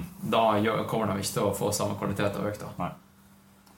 Så det, det er også greit å vite for eh, dine egne når du er ute og springer. Mm. Liksom, hvorfor gjør du det? Og da, når du er ferdig med økta, så Mm. kan du på en måte Det føler jeg, da, er at det er liksom som å, å legge penger i banken. Ja. Den økta var liksom eh, en paycheck som du kan bare legge i safen. Ja. Og den kan du ta av under racet. ja. Nettopp. Ja. Jeg er helt enig. Det er fin tankegang. Det er det. Neste topic. Ja. Eh, Ja, hvor vokste du opp? Nei, det er ikke neste. Hva er historien om ditt løperliv? Det har vi vært innom. Ja, det har vi vært innom. Uh, Men hvorfor ultra? Hvorfor ikke eh, asfalt og Ja. maraton? Jeg begynte med det. Eller etter løpinga Ja. så, så hadde jeg på en måte en periode hvor jeg ikke gjorde så mye forskjellig. Jeg liker å gjøre mye annet. Jeg spiller litt løkke, hockey og Nå spiller du volleyball. Ja. Sam- Samvolleyball. Beachvolleyball også. Ja. Stilte i Norges Tour i Lofoten nå. Det er bra alternativ trening. Ja, det er fin alternativ til trening. Nei, det um, Ja, nå mista jeg helt tråden. Uh, Jo, historien din. Hvorfor ultra? Ja, eh, jeg, jeg begynte med Altså, jeg kjente at jeg, jeg, jeg er så knytta til det å drive og trene utholdenhet og trene mot et mål, da, Ja. som jeg syns er så gøy. Så da tenkte jeg at løping er gøy, fordi det er så enkelt. Eh, og da begynte jeg å trene mot halvmaraton. Eh, Og da var jeg med på Fredrikstad halvmaraton, Oslo halvmaraton og 10 km. Så 10 km halvmaraton asfalt gjorde jeg i halvannet år. Eller noe Ok. sånt nå. Og så kom det et tidspunkt hvor jeg forbedra persen min en del. Og så stagnerte det litt der. Ja. Og så ble jeg lei av systematikken. Og det er grunnen, egentlig. Ja. Fordi jeg har drevet med terrengsykkel. Jeg liker natur. Eh, jeg syns løping var gøy, men at det ble kjedelig med asfalt. Så bare egentlig en måte å switche det opp på. eh, Fortsette å ha motivasjon og få det her mer lystbetont og, og variert. Og så Ja. bare balla det på seg med lengre eh, distanser, fordi jeg merka at jeg ble på en måte bedre i forhold til mange andre, i hvert fall, når distansene ble lengre. Ja. Mm. ja. Det høres jo eh, fornuftig ut. Ja, takk. Eh, og selvfølgelig du syns det var gøy. Ja, Ja, det er viktig. viktig. Det er jo jækla gøy å løpe på sti. Det er eh, variert, og du har litt mer sånn tekniske elementer, og du, du trenger ikke Asbel Kiprop-ankler for å være, ha, være sykt god. Det, er, det tillater flere forskjellige kroppstyper, og med, med, med sykkelbein og sykkellår så kan du komme litt lenger. Ja. Hvordan vil du beskrive din kroppsfasong, f.eks.? Uh, yes, uh. Hvis, du vil, eh, hvis du kan velge en frukt. Hvis jeg kan velge en frukt Er det pære, banan er det... Pannekake, pannekake er ikke en frukt, men det er en pannekake. Det var, det var en kompis en gang som bare så på meg i garderoben da jeg sto kliss naken, og så sa han Du er jævlig brei og flat. Jævlig ærlig, da. Ja, det var veldig ærlig. Så jeg var litt sånn Da var jeg i tenåra og var litt usikker på meg selv, så da tok jeg det ikke som et kompliment. Men Brei og flat. Jeg, ja, jeg er brei og flat. Det var kallenavnet ditt på videregående. Ja. Brei og flat. Ja, det, det var en annen kompis som var brei og flat. Han det er egentlig brei, ikke fordi han var så svær, men han hadde lange kragebein. Okay. Han ble kalt for kleshengeren. Fordi ja, når han tok på seg en T-skjorte, så så det ut som en kleshenger. Ja. Eh, men ja, tilbake til, eh, til det i forhold til løp, er at jeg vil si at eh, jeg veier jo en del mer enn en de som er virkelig smeller på i motbakkene. da. Ja, for Jeg- jeg så et Instagram-bilde der du hadde, hadde en sånn poster oppe Riktig. med vekt og høyde og, og VO2 max. Ja. Uh, og du har jo høyere VO2 max enn meg. Uh, det skal ikke så mye til. Men uh, eh, vekta di, hva var det? Eh, 78, tror jeg. Ja. Og eh, hvor høy er du? 1,85. 1,85? Ja. ja. Og du er Jeg er 1,82 Ja. Og hva er og 66. Nettopp. Ja. Ja. Men, men der tror jeg litt sånn og, og sånn var det innen sykling også. At det var sånn, Hvis du er over 70 kilo, så kan du ikke bli klatrer. Ikke sant? Har mange tenker. Bullshit. Altså øh, du, Det her kommer an på hvor stor Du må bare ha stor nok motor til å løfte de her kiloene opp. Ja. Og, øh, og øh, i, i ultraløp og i, i terreng og sånt nå, så tror jeg Ja, det er Hornindal er masse høydemeter, og jeg vedder på at hadde du satt i hvert fall meg opp med de som kom bak meg, så er jeg sannsynligvis den tyngste. Mm. Eh, Så det er mange andre ting som spiller inn, så du skal være happy med den kroppen der. Jeg er helt eh, enig. altså. Det er en av grunnene til at jeg liker terrengløping. Mm. Fordi da, da jeg i vinter drev og, og trente, um, trente meg opp til VM, da, Ja. Så føler jeg det ble litt sånn overfokus på, um, på VO2 max og vekt og høyde og, og metrics. Ja. Fart og alt sånt her. Ja. Fordi det, det var et, et mer løpbart race, så jeg ville få opp liksom, steget og farta. Og eh, tok en tur til Etiopia, målte VO2 max Mm. før og etter. Eh, sjekka hemoglobinnivået bare for å eksperimentere. og for å se liksom, hvordan jeg responderte på høyde. Og eh, alt var dritfett, men det overfokuset på metrics, Mm. på kroppen, da, Mm. eh, tok litt overhånd, Mm. følte jeg. da. Og når man ser tilbake på det, så spiller det jo ikke en, altså det spiller ikke noen rolle på stiløping. Vi springer med, med sekk med Mm. masse kilo på ryggen, Mm. som varierer mens du springer. Sånn. Mm. Du drikker, plutselig har du ett kilo mindre. Du tar til deg, du drar gjennom en stasjon for dropbag. Mm. Plutselig har du masse fjellgear i sekken. Mm. Noen springer med staver, ikke sant? Mens eh, da, og, og han er Germinas eh, Grinius, som, Grinius, ja. som vant eh, um, Trans Gran Canaria flere år Mm. på rad. Han har en VO2 Max på 55 eller noe sånt. Ja. Ikke sant? Og det, men, ja. Og, og, der, og han er, og han er eh, Francois Dane, Dane Ja. han er vel sånn 1,90. ja. Eh, mens i maratonløping da, Ja. så har du jo de her ideelle kroppene. Ja. Altså Mo Farah, Kipchoge Alle er liksom Det fins nesten en fasit. ja, ja. Løpesteget fins det ikke en fasit på, men kropper, da burde du Du burde kanskje ikke være overvektig, for å si det sånn. Men du kan tillate deg å ha litt ekstra på stilløping. Jeg sier ikke at det er ideelt, men alle, alle kroppsfasonger fungerer. da. Ja, og der, der kan jeg si en ting på, som er ganske interessant på, kanskje spesielt på ultra eh, løping, og kanskje spesielt på når det er mye opp og ned, eh, er at eh, hvis du veier mer, og hvis du driver hvis du kun løper, da, Ja. og ikke driver og pumper benkpress, så ligger mye muskulatur i beina. Ja. Og da vil jo eksempel, i hvert fall for min del, kontra noen som har drevet med løping hele livet, så vil jeg sannsynligvis ha mer muskler i rumpa og låra fordi jeg har drevet med sykkel. Samme for deg fordi Ja. du har drevet med skøyter. Eh, og det blir jo ekstra kilo eh, som er i bevegelse, fordi beina er i bevegelse, som vil være en dårlig ting i flat maraton Ja. i ultraløp og sånt noe, så er det mye som tyder på at har du mer muskelmasse, eh, så har du mer muskelmasse å distribuere kreftene på, og kanskje spesielt i nedoverbakkeløpinga, som gjør at du kanskje kan eh, Hva skal jeg si At muskelødeleggelsene blir ikke like store, som er kanskje en av de to store tingene i ultraløp Ja. eh, som gjør at du kan løpe fortere lenger. Så mer muskelmasse kan være en stor fordel.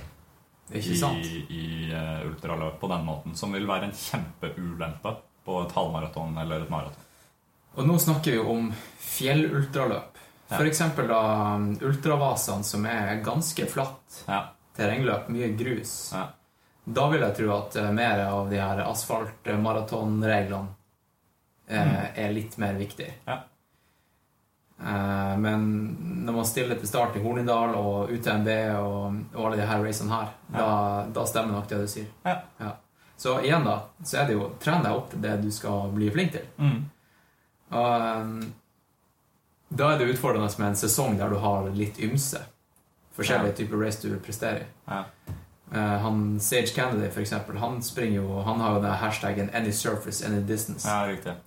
Og han, eh, han, prøver, han prøvde seg i vinter på å komme seg Var det under 2,19 eller noe sånt på maraton? Ja. Som er den der eh, Olympic, Olympic Qualifier uh, Trials-opplegget. Ja. Eh, han klarte det vel akkurat ikke på, med 20 sekunder eller noe sånt. Mm. Men han er jo også en av de beste i verden til, eh, til ultraløp. Sånn Mm. 100 mile-løp. Mm. Jeg vet egentlig ikke om han har gjort det kjempebra enda. Jeg tror Jeg, jeg er ikke sikker, men uansett. ja. Han er en av dem som, som jeg tror klarer å på en måte hoppe frem og tilbake. Mm. Men det er bare et eksempel på at det, det går også an. Hvis du har godt grunnlag, så, så kan du kjøre litt spesifikk trening og gjøre mye rart. Ja, og han, han er veldig stolt av at han har liksom løpt hele livet. Ikke hatt ett avbrekk. Det lengste avbrekket han hadde, to uker. eller sånt. Mm. Og han har, han har ikke veksla på idretter gjennom sesonger. Han har sprunget året rundt Ja. hele livet. Mm. Holdt det, holdt det kontinuerlig. Mm. Det er ganske interessant. Mm. Og det, det han, han har jo en, eh, en business rundt der også. Var det VO2 Max Productions? VO2 Max Productions, shout-out Mm, På- Shout-out på YouTube. på YouTube. Uh, og jeg syns han har masse bra å komme med, og masse rart også. ja. uh, men, men absolutt, han er jo en, en kjempegod løper, og det funker for han å løpe året rundt eh, uten å bli skada. Og det, det er jo også et veldig fint sånn manifest til 'jeg har gjort ting riktig, så jeg kan gi deg gode råd for ikke å bli skada'. ja. Men det er også sannsynligvis mye fordi han har en kropp som er veldig godt disponert for å gjøre det her. ja. Så igjen, det trenger ikke funke for alle. Anekdotisk bevis, ikke sant? Ydmyk. Ja. Ja. Absolutt. Skal vi hoppe videre? Hoppe videre. Eh, skal vi ta, jeg, skal, jeg, må på, jeg må pisse litt, Ja. og så ta et glass vann. Vil du ha Vann er jeg gira på. Ja. Eh, da kan jo Har du lyst, så kan du ta en liten monolog om neste punkt. Starte mens jeg er på do. Eh, har du opplevd noe rart eller spennende under et løp som du kan fortelle om? Hva er det som, eh, Har du noe umiddelbart som Det, det her kommer til å bli mye kulere hvis vi prater sammen. Ja, Det da, kan vi ta en liten pause. jeg en liten pause.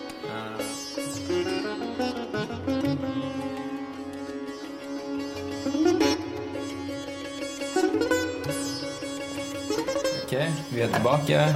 Vi har eh, forsynt oss med mer eh, brownies. Med sukker. Um, glass vann. Jeg har eh, urinert. Og da er vi klare til å snakke om spennende ting eller noe ekstravagant du har opplevd under et race som du har lyst til å snakke om? Eller har du lyst til å snakke om det? Er det noe, er det noe spesielt du har opplevd? Har du sett noen dyr? Har du sett bjørn? Bjørn har jeg ikke sett. Nei. Jeg I Hornindal nå Ja. så er det kanskje den skumleste dyreopplevelsen jeg har hatt i et løp. Som gikk helt fint. Det er ikke så ekstraordinært, men det var bare et insane antall kuer som, som var på Det var en grusvei som gikk over til å bli sti. Og 100 meter før den gikk over til å bli sti, så møtte jeg en annen kar på, på kanskje tolv kuer da, som bare sto i veien og gjorde ingenting. Og når vi kom, så bare løp de langs grusveien, selvfølgelig. For de er ikke så rå stiløpere. Og når de kommer til enden av den stien, hvor det var en slags sånn snuplass nesten, så ut som for biler, så begynte de da bare å, å løpe som i en rundkjøring, rundt og rundt. Fordi det var jo ingen fluktvei. da. Så de liksom krasja inn i hverandre, og det var en som nesten falt. Og eh, Eh, jeg husker jeg tenkte to ting, og det var liksom bare jeg må komme meg safe gjennom der uten å bli sparka i huet. Ikke sant? For de er jo ikke farlige i den forstand at de angriper, men de kan jo bare klumse deg til døde. Ja, ja, ja. De er jo sjukt svære, da. Ja. Så vi, vi kom oss forbi, og det neste jeg tenkte på, var at jeg syns eh, Jeg lo inni meg sjæl når jeg tenkte på at uh, Steffen Steffen Bruflat, han kompisen min som kom på fjerde, skulle forbi der. Fordi han er, han er jo vokst opp på bygda borte i Vestlandet. Ja. Blant kuer, vil jeg si, men han er livredd for kuer. Oh, ja. Når han møter på én ku, så tar han sånn 200 meter omvei ute i skogen. Så jeg lurte veldig på hvordan han kom til å takle det. Da tenkte jeg bare yes, nå eh, slår jeg i hvert fall Steffen. Ja. Ja. Her tok jeg ti minutter. det. Jeg kan fortelle om eh, noe jeg opplevde i helga. Ja. Og det var Vi sprang fra Glitterheim til eh, Spiterstulen Mm. i Jotunheimen da. Eh, natt på natta. Mm. I storm og regnvær. Oh, eh, jeg skal ikke snakke så veldig mye om akkurat opplevelsen, eh, for den var på grensa. Mm. Eh, men det vi så da, eller som jeg så med hodelykt, var eh, Se for deg at du er i, en, i Star Wars, og du ser Og du kjører en av de her eh, Star Trooper. Star, er, det maskinen eller Star Trooper? U, uansett Ja. fartøy, farkomst, i, i Star Wars. Du bare har masse stjerner som fyker forbi. Mm. Sånn var det. Midt på natta. Og det var reinsdyr som kom mot deg, og du så bare øynene fordi du hadde hodelykt. Faen, er. I storm.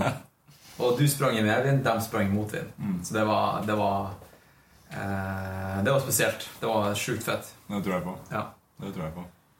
Ja, det, det er også Jeg har blitt skremt av bare de der eh, små rådyra oppe i Grefsenkollskogen her. Ja. Jeg skulle trene litt i Transgran Canaria med hodelykt. Møtte jeg på bare så tre-fire par med øynene. Og det var sånn Det er bare fordi du ikke veit hvordan type dyr det er, så ble jeg livredd. ja. Så den ser jeg, den ser jeg godt. Mm. Hvem og hva inspirerer deg? Ehm, hvem? Jeg, jeg har ikke så mye sånn Jeg syns det er Har du veldig noen idoler? Ja, men de idolene er gjerne ikke kanskje de største, beste løperne. Nei. Eh, jeg blir veldig inspirert av f.eks. prosjekter sånn som dere gjorde. Ja. Og av folk i, mer i nærmiljøet. Eh, jeg blir inspirert av eh, Steffen, som jeg trener med. Selv om jeg har slått han i hvert løp vi har vært med i. ja. Så eh, blir jeg inspirert av motivasjonen og progresjonen av de jeg har nærmest kontakt med. Eh, sånn sett så er det også veldig inspirerende å oppdage Skyblazers-miljøet og se at det finnes en gjeng her. Eh, så jeg liker å holde det litt nærmere, da. Um, og jeg kan relatere meg mer. Eh, så jeg vil si folk i Sky Blazers-miljøet, Steffen som jeg trener med, andre folk jeg kjenner fra andre idretter som gjør det bra også, som er i sykling, hvor jeg har kontakt og sånt noe, det er mer av idolene mine. Jeg er på Og- helt samme plan der. Altså. Jo nærmere, jo bedre i omgangskrets. Mm. Jeg la meg, jeg la meg fascinere av Kilian og gjengen. Mm. Men uh, de får nå bare kjøre på. Og så en dag så slår man dem. Mm. Men å la seg inspirere og pushe hverandre Mm. eh, det, jo, det, er liksom, det, å, det å se hva han Johannes gjorde fra operataket til Galdhøpiggen, Mm. det vil jeg si uppa mitt ultragame med flere hakk. Ja. Bare for å skjønne at uh, Ja, jeg, vi trener sammen hver dag. uh, og han var kapabel til det. Mm. Da burde jeg også være kapabel til det. Um, men ja, da kommer jo psyken inn også. At Mm. Han hadde virkelig dagen eller dagene. Da. Men Mm. uh, det er jo sånn som Det hjelper veldig på da å, å henge med andre dedikerte folk. Veldig. Det, det tror jeg er en stor ting for å, for å få gjort uh, et godt treningsarbeid og ha det gøy i samme slengen. Eller Ja. bare omgi seg med folk som, som du kommer godt overens med, så har de har en positiv innstilling og stå-på-vilje. Ja. Uh, og her blir jeg litt sånn eh, Fordi, sånn som du sa med å bli fascinert av Kilian og den store gjengen Ja. Og det blir jo også litt sånn eh, Det kan bli litt sånn kjendishysteri, da. Eh, Det betyr betyr ikke at de er bedre enn deg. Det Nei. betyr at de har mer PR rundt seg. Nettopp. Kilian han er unntaket. Han er bedre enn alle i hele verden. Ja. Uansett idrett. Ja. Hvis han dedikerer en måned til klatring, Mm. så blir han verdensmester. Mm. Men eh, for eksempel amerikanerne, da. Det er så lett å bli skremt. Mm. Fordi at de har liksom hele PR-systemet rundt seg og får et navn. ikke sant? Eh, du var Tornedal. Mm. Hvis du hadde hatt PR-system rundt, rundt deg, så hadde du hatt 50 000 Instagram-følgere. Ja, nettopp. Det. Det, er- bare det som eh, differensierer deg med ja, eksempel Zack Miller. da. Mm. Og, og Sikkert litt mer ting, men du skjønner hva jeg mener. Ja, ja, ja. Jeg, jeg, jeg, skjønner det. Og jeg synes, men, men ta det litt tilbake til de, de som faktisk er på bedre nivå enn det vi er. Jeg hadde en, ehm, en periode jeg var skikkelig demotivert når jeg drev med sykling. Ja. Eh, Så hadde jeg en som fungerte litt som treneren min, som, som er, eh, jobber oppe på idrettshøyskolen, som heter Egil Johansen, som er tidligere verdensmester i orientering. Eh, Veldig fin fyr. Mm.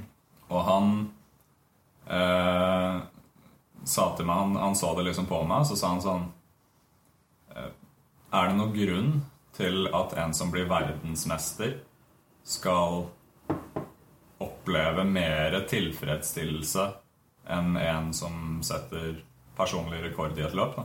Eller kommer på 50. plass i Hornindal, Ja. eller 5. eller 100. plass? ja. Er det noen grunn? Altså, hva er, verdi, hva er verdien rundt det du gjør? Er det på en måte PR og penger å oppnå å bli verdensmester? Er det alltid det ultimate målet? Eller, eller er det faktisk like mye verdt? Eh, og like mye tilfredsstillelse ved å bare være på ditt nivå, bli bedre, oppleve mestring og gjøre noe bra. Det er ikke, du, du kan være mer happy som en amatøridrettsutøver som, som gjør et godt løp eller har en fin opplevelse, enn en som, som vinner VM. Eh, ja, det er litt perspektiv. Jeg tror ikke dem som har fokus på å bli kjendis, Ja. eh, blir best. Nei. Jeg tror det er bare en konsekvens av å tenke i den duren som du tenkte der. da. Bare Ja. progresjon, progr progr progresjon, progresjon, og så plutselig så er det der. Ja. Jeg tror det er sånn det er. Ja. Eh, har du overfokus på, på å bli kjendis, så da melder du deg på Paradise Hotel også. Ja, ja, ja. Men, men det, er, det, er, det er en veldig kraft i det, det, i det han, han Egil sa, syns jeg. Fordi det, det kan gjøre at øh, eh, folk klarer å forsvare og akseptere liksom, hvor mye tid de bruker på trening. mm. Øh, fordi Hva skal jeg si? Det er, er på en måte hvis, det er, hvis du innser at det er samme verdi av å operere rundt det nivået du har, som en som er masse bedre enn deg og internasjonalt dritgod Og hvis du tar bort kjendisgreiene, men bare sier på nivå, Ja. eh, så kan det gi veldig mye selvtillit. Da. Og det syns jeg folk rundt Altså folk i miljøene burde på en måte lære seg å, å anerkjenne at hvis noen er dårligere enn deg selv, så betyr det ikke at de har prestert dårligere i en relativ kontekst. De kan, de kan, det er folk som, som, som jeg kan ha slått med, med masse, som kan ha gjort en større prestasjon på noen måter enn det jeg gjorde i et løp. ja, ikke sant? Det er ikke Det er kjempegøy å vinne, men det er mye, mye mer ved det. Det er ensomt på toppen, som de sier. Jeg er så ensom. uh, skal vi se, skal vi ta noen andre spørsmål fra Bjørnar her, da? Ja. Mm, skal vi se Hva gjør du for å forebygge løpeskader? Uh, ja, hva er beste forebygging for terrengløpeskader? Fordi løpeskader det oppstår jo Det tenker man ofte på som eh, runners knee, Ja, sånn som jeg har nå, ja f.eks. riktig. Men er det så vanlig i terrengløping? Et... Og har du noen øvelser for eh, å forebygge skader i terrengløping?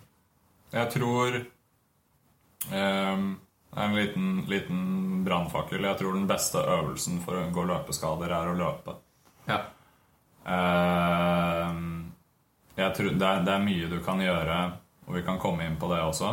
Eh, hvis, vi, hvis vi snakker om hva jeg gjør for å forebygge løpeskader Jeg gjør nest, Jeg spiller beachvolleyball og løper. Det er det jeg gjør nå. Jeg, jeg vet ikke om beachvolleyball forebygger løpeskader. Det er ikke noe tanke bak. Men jeg gjør Nei, det er ikke noe jeg- sånn prescription til dine utøvere heller. Er Hvis du skal trene noen.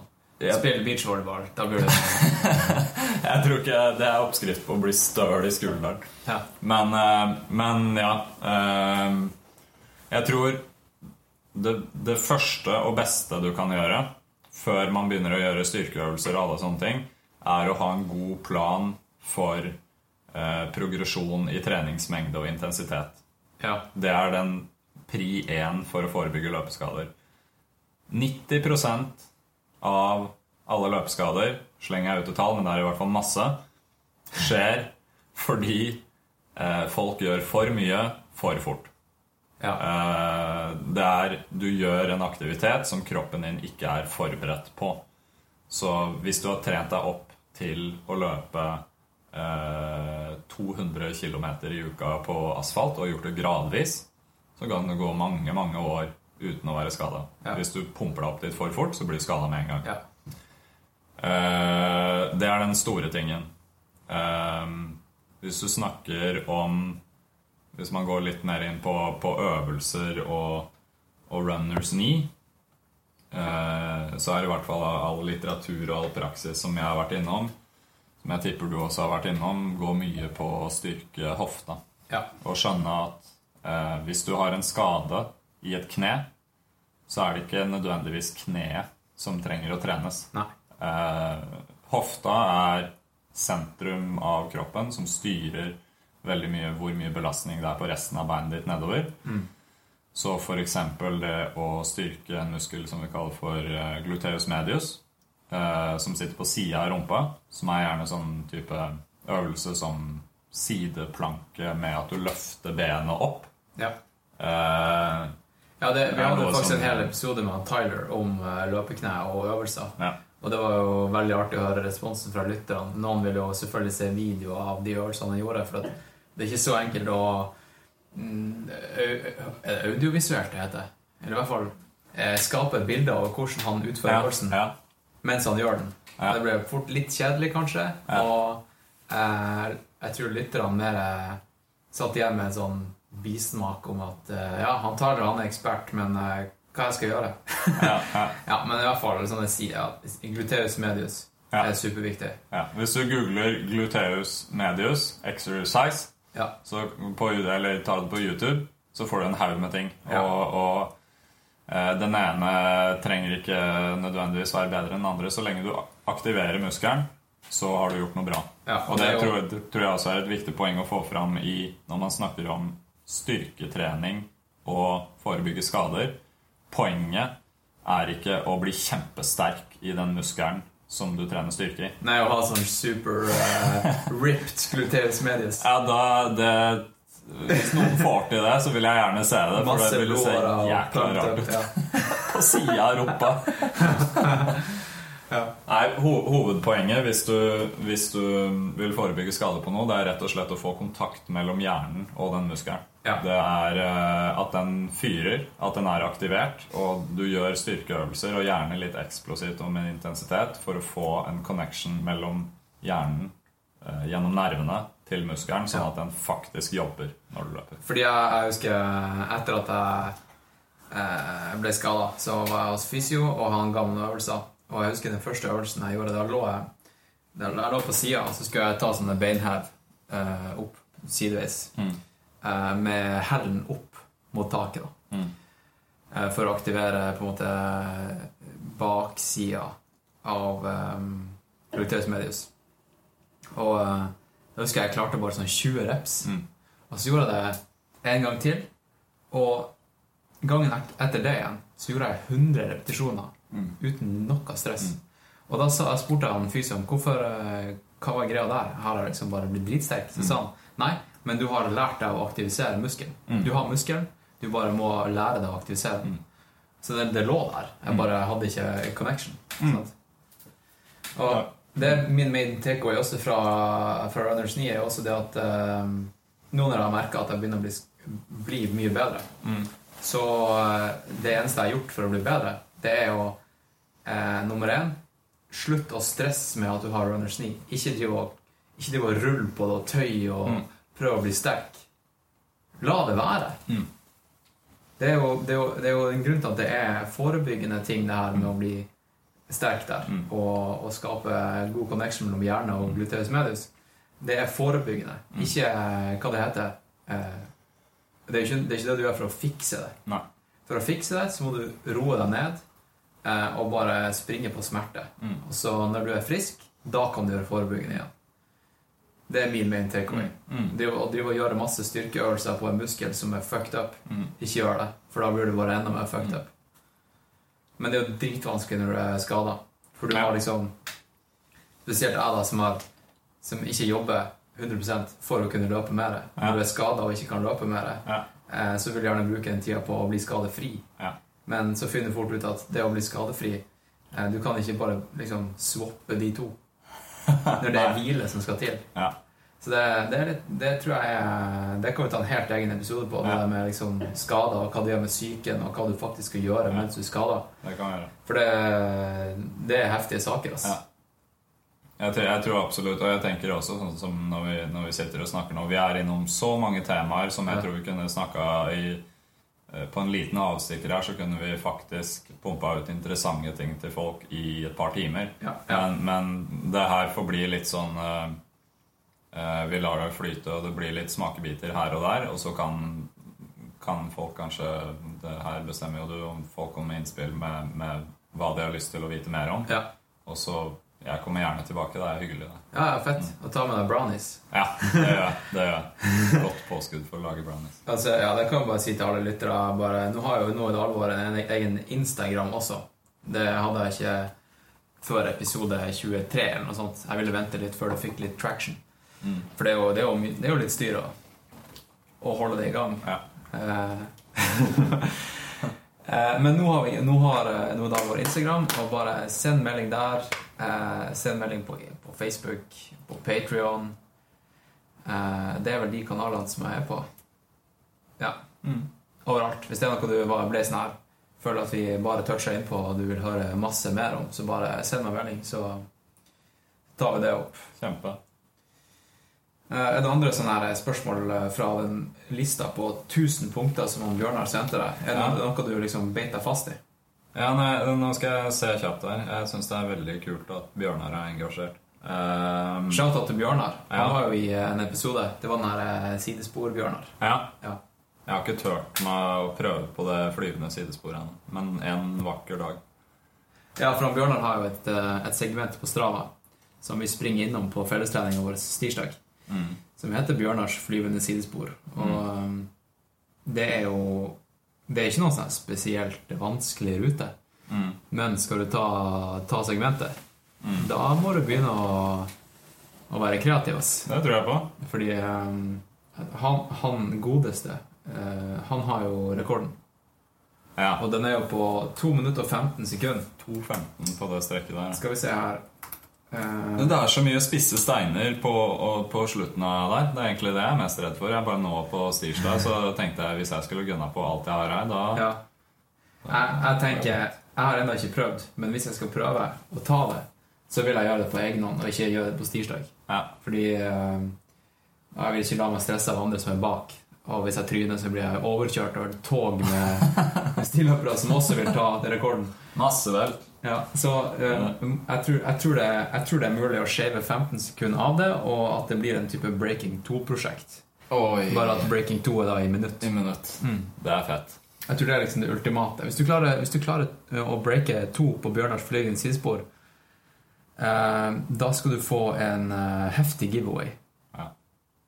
Jeg er ikke helt sikker på hva du skal få, men du, du skal få en heftig giveaway. Da eh, Jeg prøvde faktisk å, å få eh, få en sponsor i dag. Ja. Det kan jeg, jeg kan ta eh, noe som det er liksom casual stemning her. Eh, jeg skal åpne kjøleskap. Skal jeg vise deg hvem jeg prøvde å få som sponsor? Hans Kristian åpner kjøleskapet, tar ut en pose med noe leverpostei. Ja, det er noe jeg fant på butikken i går. Det er, nei, det er ikke svolværpostei. Det er Melbu kaviar. Melbu kaviar.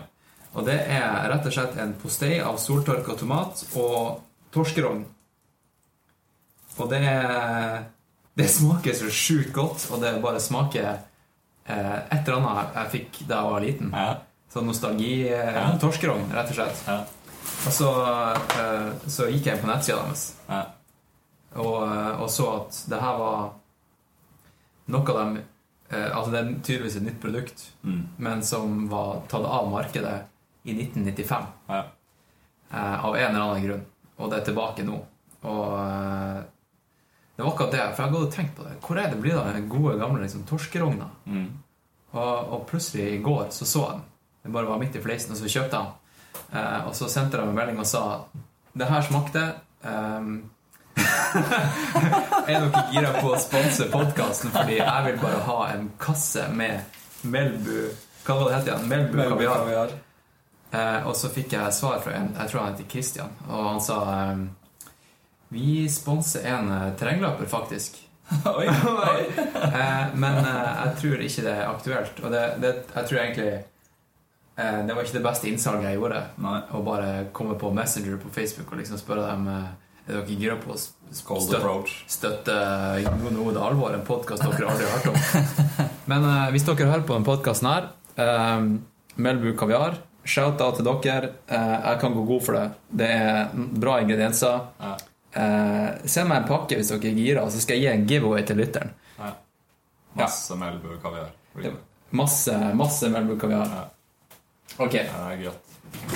Det, det, det her er så mye bedre enn um, Altså Jeg liker om det hadde blitt sånn at man introduserer Nå, nå er det alvor. Altså sponsored by Ja. Melbu kaviar.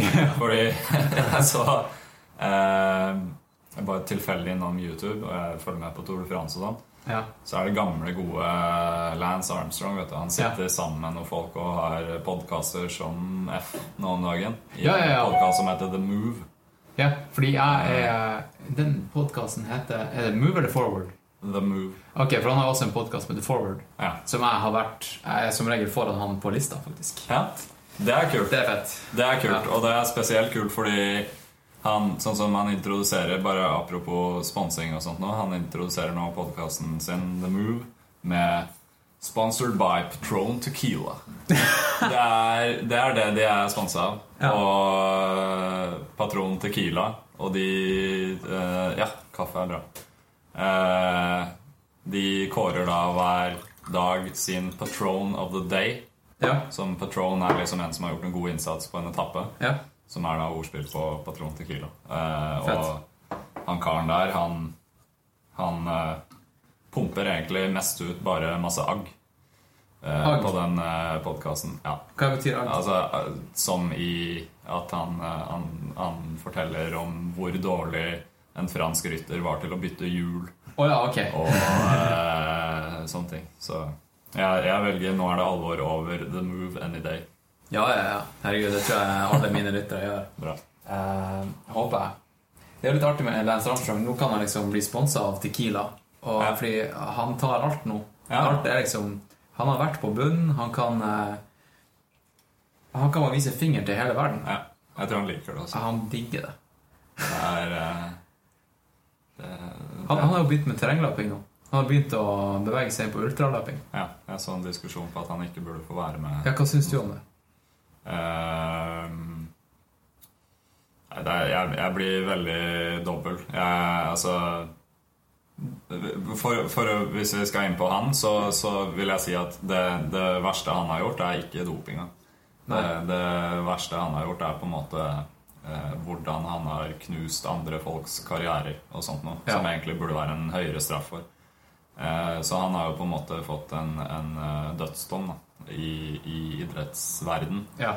som jeg blir litt dobbel til.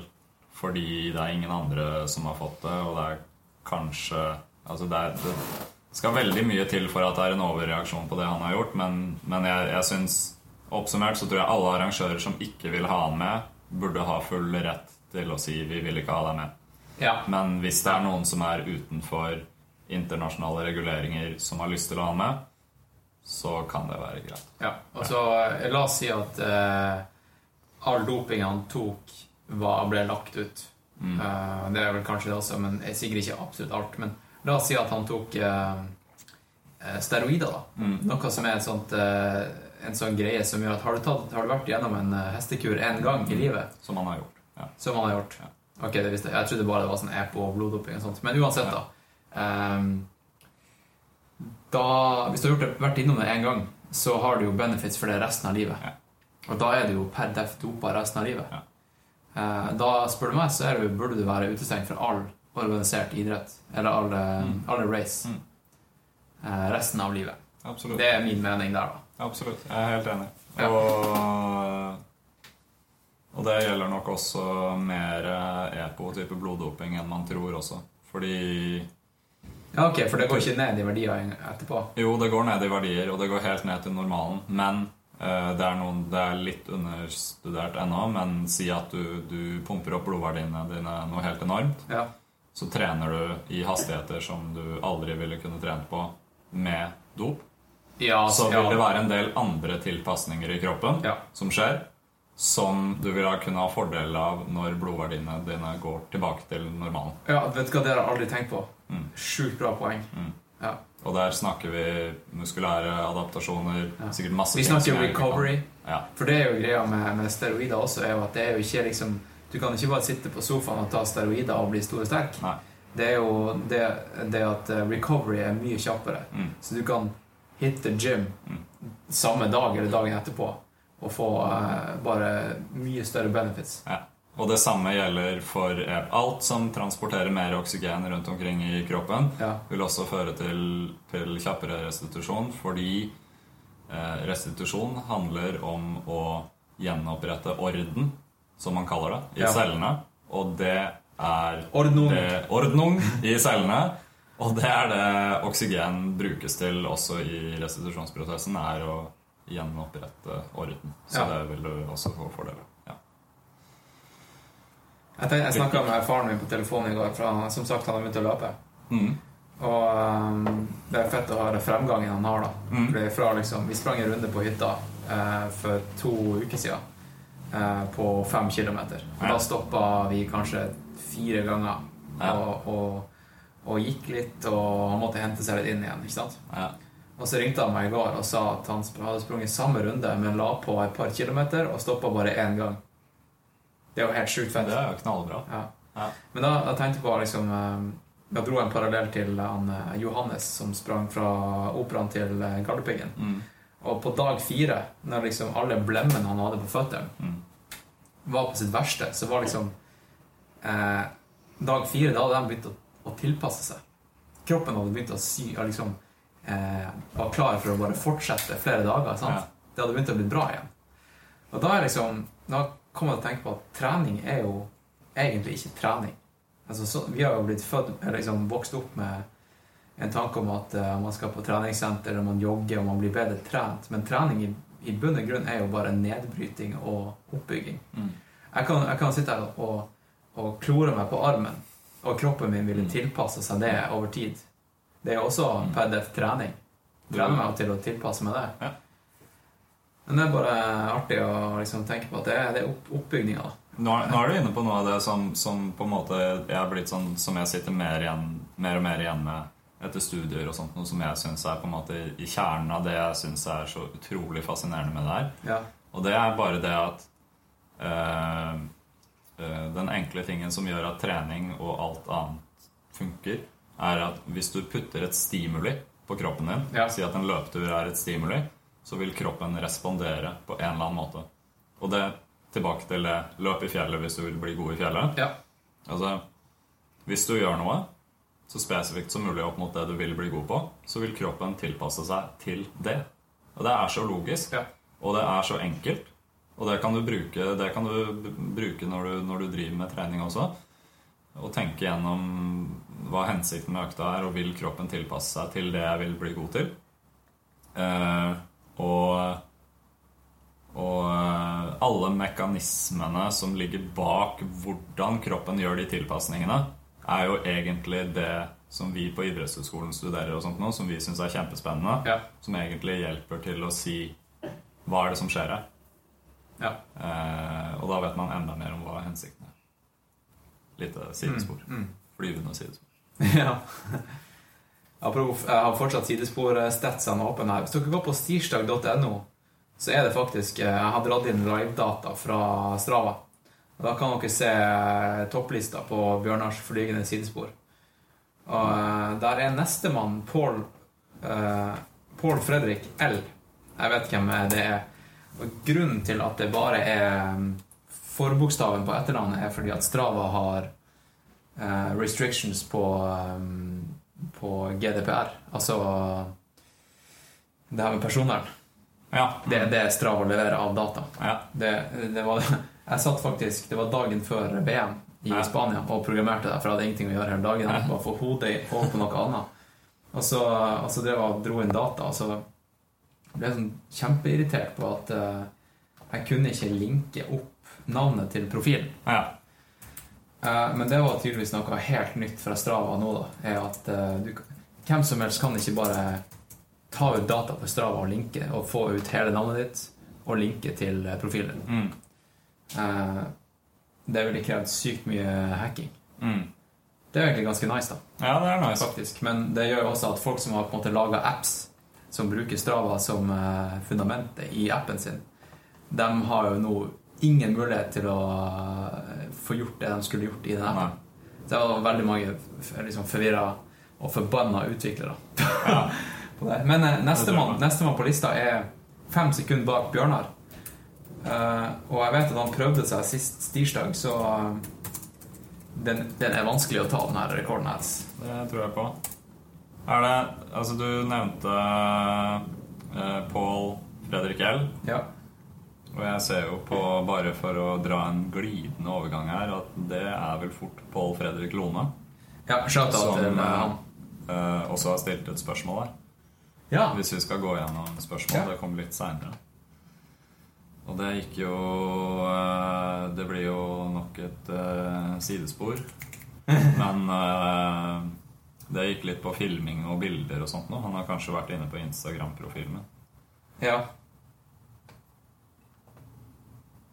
Han spør hvor mye tid bruker du på løpeturene dine til filming og bilder? Stopper du klokka for sosiale medier og bilder, eller er du ikke så opptatt av kilometertiden på Strava? ja. Eh, nummer én, jeg er ikke opptatt av kilometertiden på Strava fordi jeg laster ingenting opp dit. Så jeg stopper ikke klokka. Eh, jeg, jeg vil ikke si at jeg bruker mye tid på turene til filming og bilder. Jeg har lyst til å trene når jeg trener. Ja. Men jeg har en kjæreste som driver med foto og film, og hun er veldig inspirerende og har lært meg veldig mye. Så øh, jeg har skaffa meg en gimbal til GoPro-en min, Ja. og en, øh, vi har skaffa oss en drone. ja. En øh, DJI Mavic Air, som Ja. er knøttliten. Så du Eh, kan bare ha kastet ut i lufta, så Nesten. Ja. Nesten. Uh, den er Den er, den er de Altså, det fins sikkert mindre, men det her er sånn du kan pakke i en sånn Salomon uh, liter. Fem liter. Fem liter, ja. Du kan, okay. Jeg kan til og med putte den i, i en som er enda mindre. Eh, og den har kraftig kamera opp til 4K, og det her er det liksom eh, bra saker, da. Så det har vært veldig kult, sånn som når jeg og Steffen var på Vestlandet, å ta med GoPro og gimbal og drone i Salomon-sekken. Og det er ikke mye ekstra vekt. Og så faktisk kunne lage helt vanvittig kul film oppe på fjellet. Og kombinere de to med nærme shots og, og lenger fra. Så det vi gjorde, var at når vi skal bestemte oss for at det her er trening, og nå er det trening, Ja. og det er hardt opp og ned noen fjell og sånt nå, så tar jeg ikke med det. På rolige turer ellers, bare for å switche det opp og ha det gøy. ja. Så har vi, har vi kunnet tatt, uh, i hvert fall med drona, si en, en 25 minutter. da Fly ferdig et batteri. Hvor hvis vi er på en fjellrygg, fyre den opp, og så sette på sånn, noe som heter active track. ja. Uh, som følger etter, hvor du kan få veldig, uh, veldig kule shots. Fett. Så jeg har tenkt på det at um, jeg, jeg kunne hatt lyst til For jeg titta litt sånn på promovideoene til ulike løp og sånt nå. Ja. At hvis det er et eh, terreng-ultraløp eller et terrengløp med kult terreng og sånt nå, hvor jeg ikke skal delta selv, eh, så, så kunne jeg hatt kjempelyst til, hvis det er noen arrangører som er interessert, å gjøre en jobb på det med å bare løpe rundt i løypa med det utstyret og lage fet film. For jeg tror det kan bli så kult for Ja. arrangøren. Ja. Liksom med promofilming. Og hvis du har noen som er litt i form og kan følge lederne, følge med, filme dem og Ja. sånt, Ja. tror jeg kan Det er jo eh, Det er jo det som er litt sånn eh, Føler jeg er, eh, er på vei til å skje da med ultraterrengløping, er jo at eh, det har vært utfordrende å filme live Ja. eh, hittil.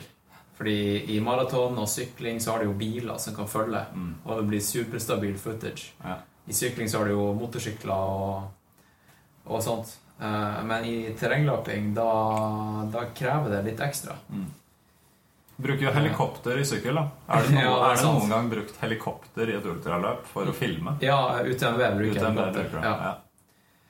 Men, så de, I UTMB har de bra footage, men jeg føler at måte, eh, kringkastinga er, er ganske crap. Mm. Fordi Eller sånn, i bunn og grunn er den bra, men systemet er rot, rotete for å komme dit. Mm. Det er ingen som har naila det ennå. Mm. Min teori er, eller min sånn prediction er at det kommer aldri til å komme på TV.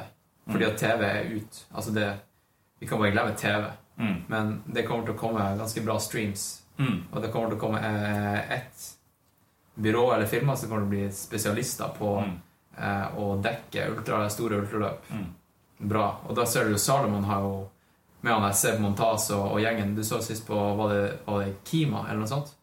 Nei. En av den Golden Trail Series? Ja, et eller annet. Ja. Eh, så du riggen han hadde på seg? Nei. Det var liksom en rigg med, med gimbal fremme og bak. Og en stor sekk som gjorde at han liksom kunne kringkaste det her live. Kult. Eh, og de hadde kommentatorer live på YouTube og Facebook. Så det, ting er virkelig på vei til å skje. da Ja. Og i tillegg så hadde de droner. Ja. Så det var liksom uh, uh, Jeg tror det er dit vi må. Og da må jo den som har den riggen på seg, være dritbra trent. Ja. Ja. Han fulgte jo Kilian i nedoverbakka. Ja. Og uh, det er ikke hvem som helst som kan gjøre det. Nei, nei. Så det, det er spennende. Det er kult. Ja. Det er veldig kult. Det er en jobb jeg kunne like. Altså. Ja. Skal vi bare starte et firma nå? Ja, kan vi Inn på brønnøysundregistrene.no? Hva skal vi kalle det? Nei, vi får tenke. Kaller det for um, mm, droneløperne.no. Nei da. Eh, nå ser jeg at det har jo kommet helt sjukt mye spørsmål. Skal jeg, skal jeg bare ramse opp, og så kan, eh, eh, kan eh, lytterne sitte igjen med en sånn tanke Å, det skulle jeg ønske han svarte på. Så tar vi det neste. Mm. Jeg skal bare spise jordbæret. Ja. Mm. Hvor mange timer trener du i uka? Hvor stor andel av treningen foregår i terreng på sti? Trener du raske intervaller på sti? Trener du noe i sone 3? Hva er din favorittøkt? Hva foretrekker du, motbakke eller downhill? Trener du mye på å løpe fort nedover? Er Hva er hemmeligbaken bak din suksess? Ja. Og det jeg tenker er, det kuleste spørsmålet her, Mm. det var det med sone 3 og nedoverløping. Sone 3 og nedoverløping. Fordi ja, sone ja. 3 har blitt litt sånn svartmalt. Ja, ja, ja. Eh, som en type ja, black hole-trening. Mm. Der du Det her har jeg snakka om flere ganger på podkasten, er jo det at sone 3 er jo den typiske hvermannsen-sonen. Mm. Fordi eh, den er 80-20-fordelinga Mm. av eh, treninga di. Altså du, du burde ha Mesteparten av øktene dine burde være i rolig intensitet på, i sone 1-2. Eh, altså 80 Mm. easy løping. Mm. Bare mengde. Mm. Mens 20 burde være steinhardt. Mm. Ikke sant? Og det er ingenting å oppnå med å trene i sone 3. Mm. Det er liksom det bøkene sier for tida. Ja. Eh, fordi i sone 3, det eneste du gjør da, er å utsette recovery. ja. Og du får ingen gains på det. Mm. Her har jeg masse å plukke på, Ja, Uh, hvis jeg får lov. ja, jeg kjør på. Uh, uh, ok. Vi, vi begynner med det her med trene basert på soner. Og at noen soner er dårligere enn andre, bedre enn andre og sånne ting. Ja. Eh, det du refererer til når du, man på en måte sier at det er et sånn svart hull, det er jo det som typisk har blitt kalt for lapskaustrening. Det er Ja. sånn et uttrykk som, som alle mosjonister og utøvere har hørt om. ja. Eh, og det tror jeg det er noe i. Men, eh, men her må det tro, Jeg tror det må bli mer nyansert. Eh, jeg, nummer én, jeg tror veldig på å gjøre det som heter for å polarisere treninga. At det som er rolig, er skikkelig rolig. Og at det som er hardt, er hardt. Ja. Men det betyr ikke at det skal være sånn syre steinhardt. Og nå drar vi inn det her med anarob terskel, Ja. som ligger i, for de fleste, i overgangen mellom sone 3 og 4. ja. Akkurat rundt der. Ehm, Altså for, for folk som ikke skjønner sona, så er, kan man jo eh, eh, si at eh, overgangen fra sone 3 og sone 4 er når du ikke Da, da er det ikke lenger snakk, snakketempo. Da må Nei. du Da må du holde kjeft og bare konse på pusten. ja. Det er vel egentlig det. Og det her går på eh, prosent av makspuls. Og hvis du titter på sånn Olympiatoppen sin intensitetsskala, så tror jeg sone 3 er 82-87 Ja. Så de regner at terskel, da, eller det man kaller for terskel, eh, ligger sånn rundt 87-88 av makspuls. Ja.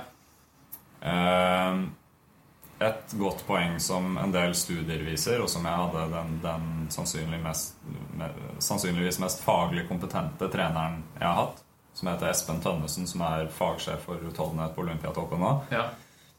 han satte meg, eh, når jeg sleit med treninga, på noe han kalte en sone 3-kur. Ok. Og det går jo ganske på akkord med, med det vi snakka om nå. Og det han ville da, var at jeg skulle beholde ja, De rolige treningene skulle fortsatt være rolig. Eh, ikke noe særlig høyere enn 65% av makspuls på det. Men hvis vi snakker om de hardøkene, og hvis vi snakker om å f.eks. forbedre eh, oksygenopptak og slagvolum på hjertet og alle de her gode adaptasjonene som du vil ha, Ja. Eh, så viser det seg at hvis du ligger litt under terskel, og det blir da sone 3 midt høy Det blir sånn 85 kanskje. Ja. 84-85% av makspuls. Da kan du øke arbeidsvarigheten noe helt enormt i forhold til hvis du ligger på eller rett over terskel. Og det som også viser seg da Det, er, det er bra for økonomien. Ja, det er det også. Ja. Det, er en, det er en litt sånn Man kan kalle det Jeg vet det er mange som er uenig med det, men man kan kalle det en litt sånn sweet spot på det at eh, du, du får mye varighet, og det er varighet som, som er bra for økonomien. Og Derfor er all rolig trening også veldig bra for økonomien. Eh, men du har Du har maksa ut slagvolumet på hjertet ditt lenge før sone 3. Eh, det øker ikke helt opp til maks, så det trener du ekstremt bra. Eh, du det, det viser seg at du, fordi du kan jobbe så mye lenger, så blir den totale effekten på en økt i sone 3, som gjerne kan være Si at det kan være fire ganger ti minutter, da Ja. og sånne ting. Eh, den totale effekten på eh, minuttvolumet ditt, eller altså hvor mye blod hjertet kan pumpe rundt, en del andre adaptasjoner som jeg skal ikke gå helt inn i dybden her, men det er en større totaleffekt på maksimalt oksygenopptak på eh, en del andre ting enn hvis du hadde trent eh, fire ganger fire minutter på 90 Ok. så eh, jeg trener de hardøktene Altså de mesteparten av hardøktene jeg trener, det ligger rundt terskel eller litt under. Eh, og det er mye fordi jeg er jo farga av de tipsene jeg har fått. Ja, ja. Og det er ikke noe 100 fasit, men, men jeg tror at du får vel så stor effekt av å ligge litt under terskel som å ligge på eller over. Og du kan holde på lenger, og du restituerer deg mye fortere enn hvis du er over terskel og produserer mye syre. Ja, ikke sant? Så en go to-økt som jeg går til, som jeg og Steffen gjorde i går, f.eks., Ja. er uh, Villeløypa. Ja. Tre ganger opp og ned Ja. fra bånn til topp, som er sånn rett under 300 høydemeter per drag. Ja. Og da gjerne prøve å holde det eh, det vi kaller for subterskel. Si at det er fem pulsslag under terskel. Ja. Eh, og og, og ha, en, ha en buffer at du ikke at du, at du ikke makser ut helt alltid. Mm. Skal jeg holde litt kjeft fordi jeg maksa ut som faen på det siste draget i går, men det Ja, det var fordi det var gøy. Sånn er det. Ja, ja. Og ja Sona også. Altså det er jo Bruker du pulsbelte, eller var det tar, tar du det på gefühlen? Jeg bruker ikke pulsbelte i det Nei. Jeg har Jeg, er slutta med det. ja, jeg, jeg har blitt litt sånn det, Jeg vil ha egentlig minst mulig data. Tid er Ja. fint, og så mest for å, for å Høydemeter er også nice. Høydemeter er nice. Ja, jeg slutta med jeg, brukte, jeg, tok, jeg tok i bruk pulsbelte i vinter igjen. Som sagt så var det veldig sånn metric. Ja. Eh, men før det så hadde jeg ikke brukt pulsbelte siden jeg var skøyteløper. Og så la jeg det fra meg nå når jeg ble skada og sånt. Ja. Eh, men jeg, jeg, jeg brukte ikke pulsbelte etter at jeg var skøy- skøyteløper, fordi da visste jeg hvor jeg lå. Mm. Jeg var såpass kjent med kroppen. Og det er jo nå også. Men nå Mm. fikk jeg på en måte jeg fikk en liten overraskelse at jeg bumpa Jeg har gått ned 20 slag. Sånn seriøst, på fem år. På, Pul, altså Makspulsen min er 20 slag. ja. Mm. Jeg er 15 slag under. Og hvilepulsen min er også 15 slag under Ja. Enn den var. Ja. Eh, Så alt er på en måte bare dratt litt ned. Ja. Jeg vet ikke om det er bare alder, eller fordi at hele kroppen min har endra seg. Det er vanskelig å si. Altså. Det, er, det er jo en sånn, sånn Det eneste jeg vet, er at det har skjedd. Ja, det har skjedd, Og det er greit å vite. og du blir eldre, så da er det alder. Nei, Ja. det, er ikke, det er ikke det. Men hoved, hovedpoenget er jo liksom at perceived effort er alltid det samme. Ja. Og, og den, den tror jeg perceived effort den er litt uh, viktig å si noe om. Fordi Kan vi finne et norsk uttrykk på det? Uh, opplevd anstrengelse. Ja. Uh, og det, det syns jeg er veldig fint for å, for å beskrive for utøvere, for lyttere her, altså hvordan ting skal føles uh, når du gjennomfører f.eks. en sone 3-økt. ja. Under dragene så syns jeg noe som er veldig fint beskrivende, er at det skal være behagelig anstrengt. Ja, ikke sant? Du skal, du skal ikke Altså, du, du skal kjenne at pusten går ganske greit, men du skal ikke hive etter pusten. Nei. Du skal ikke kjenne på eh, masse syre i beina. Eh, men det skal likevel være et, eh, et pace som du, du kjenner at du gir på likevel. Og det krever litt trening. Og som du veit gjennom, gjennom skøyteløpinga opp gjennom du har drevet idrett i mange år. Eh, men det er viktig å utvikle den følelsen. Ja. Fordi du kan ikke drive og se på, på pulsen din hele tida under et løp. Og pulsen din kan ljuge. Den, eh, den blir Ja, påvirka av temperatur. Den blir påvirka av hvor godt restituert du er. Jeg vet ikke om du har sett noen ganger hvis du har hatt en kjempehard treningsperiode, Mm. du er stinn av trening, og du skal gjennomføre det vi kaller en terskeløkt, så kan du ligge på noe en opplevd anstrengelse som kjennes hardere enn terskel, og pulsen din kan være 15 slag lavere Ja, enn det du regner Det som terskel. Ja. Og det er jo nesten definisjonen av overtrening. Ja, Som man nå er i harde treningsperioder. ja. Ja. Så derfor tror jeg det er veldig viktig at folk eh, lærer kroppen sin å kjenne på Ja. den måten. Og det tar tid. Det, det er flere jeg snakker med som eh, er helt klar på det at eh, de har starta med idrett i sen alder, i voksen alder. Og når de blir sliten, så blir de så sykt ukomfortable, og de stopper opp og må gå litt. Mm. Men det er jo ikke fordi at de er mer slitne enn andre. Det er Mm. bare fordi at de er ikke vant til den følelsen. Mm. Og problemet deres er at de er veldig klar over akkurat det, Mm. men de vet ikke hva er det som er grensa. Mm. Hva er det som er komfortabelt? Det er ukomfortabelt, men Mm. ikke farlig. Mm. Mm. Og hva er det som er Ja, ikke sant, du skjønner poenget mitt. Og da er det fint å bruke sånn som puls eller andre ting i starten Ja. For å på en måte ha en, en li- knagg å henge det på. da Ja. Og kjenne at ok, nå er pulsen min der. Først må du ha gjennomført en, en slags makspulstest da, for Ja. å ha en referanse.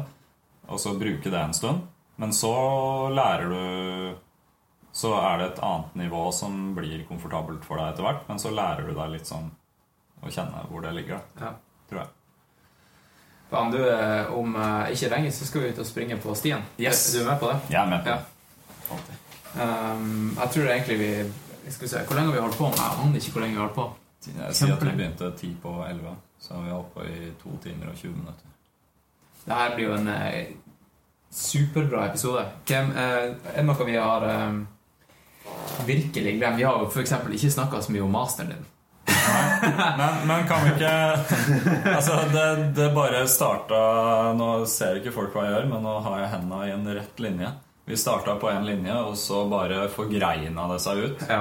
Og eh, det tror jeg er fordi vi syns veldig mye forskjellige ting er kult. Og kanskje folk blir frustrert, men sånn får det bli den gangen her. Og så Ja, ja. kan vi heller en seinere gang si ok, nå snakker vi om det temaet, og så Ja. prøver vi å holde oss litt i skinnet. ja.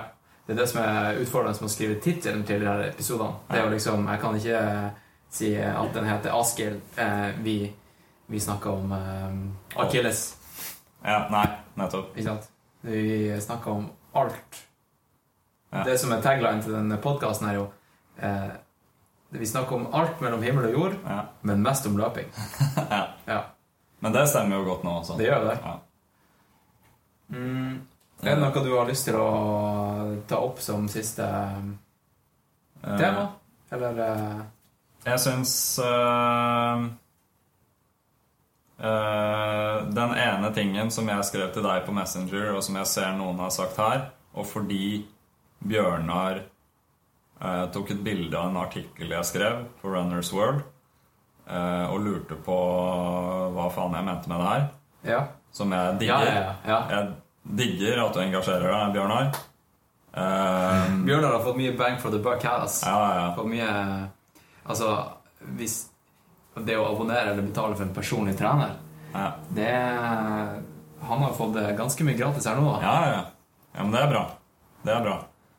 Eh, så så den, den ene tingen som, som jeg tenkte at vi kan ta som en sånn eh, eh, siste diskusjonstema som ikke trenger å ta altfor lang tid, er dette med Jeg skrev en artikkel, og jeg har vært interessert i det her med hvordan pacing-strategi som er fornuftig i en ultra. Ja.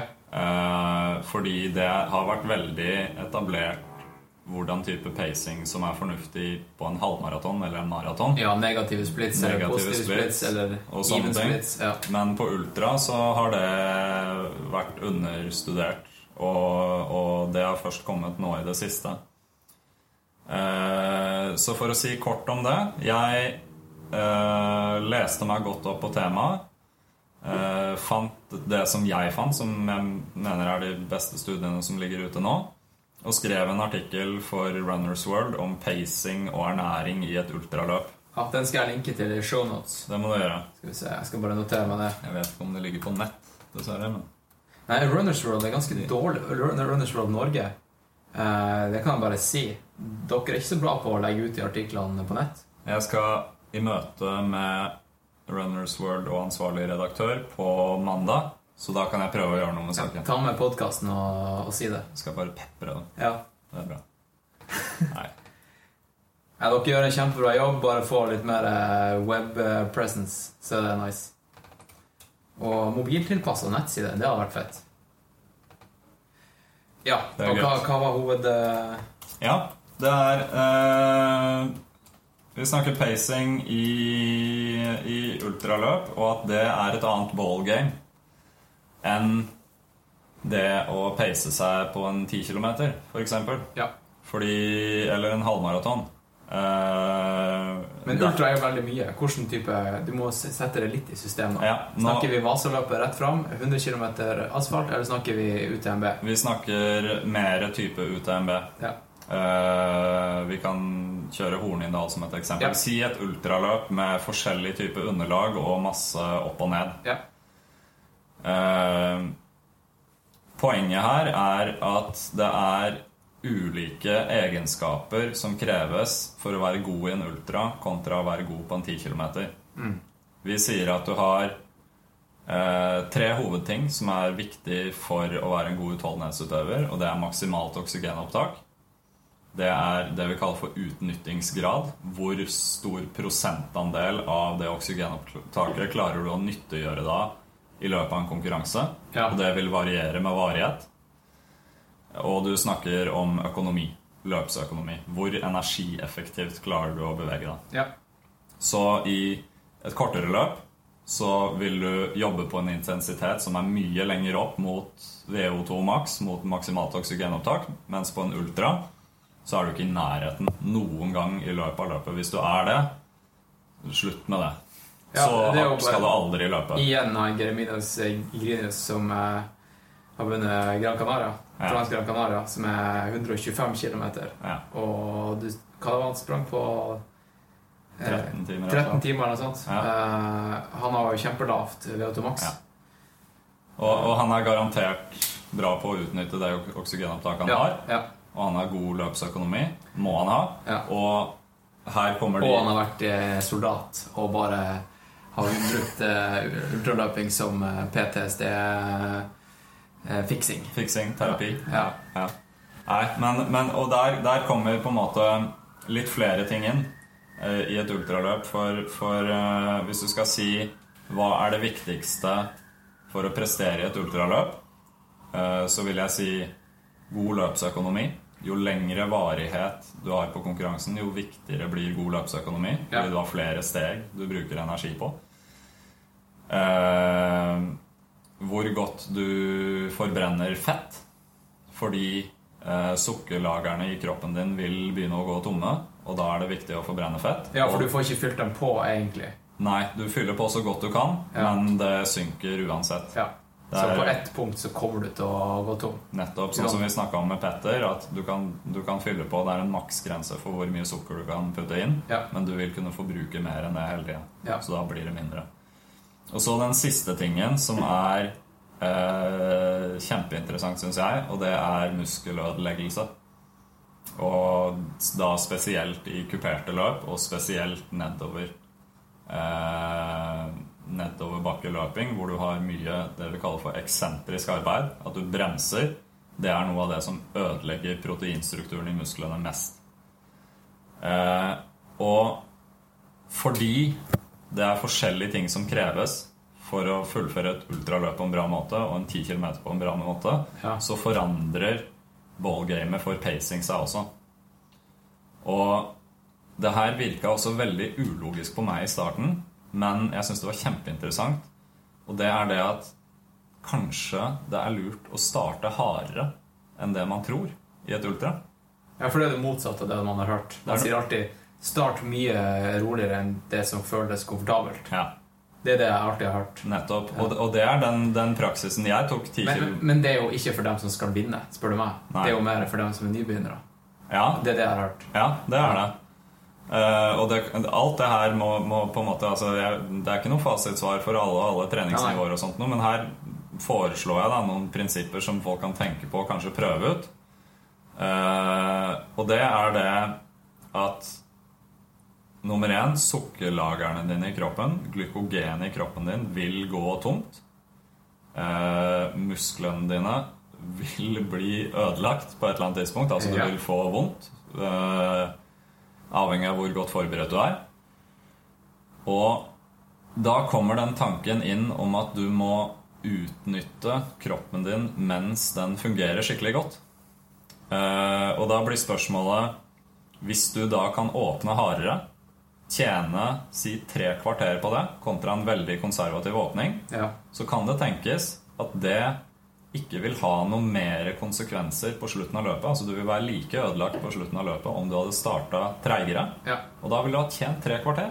Og du kan holde det samme tempoet på slutten. ja.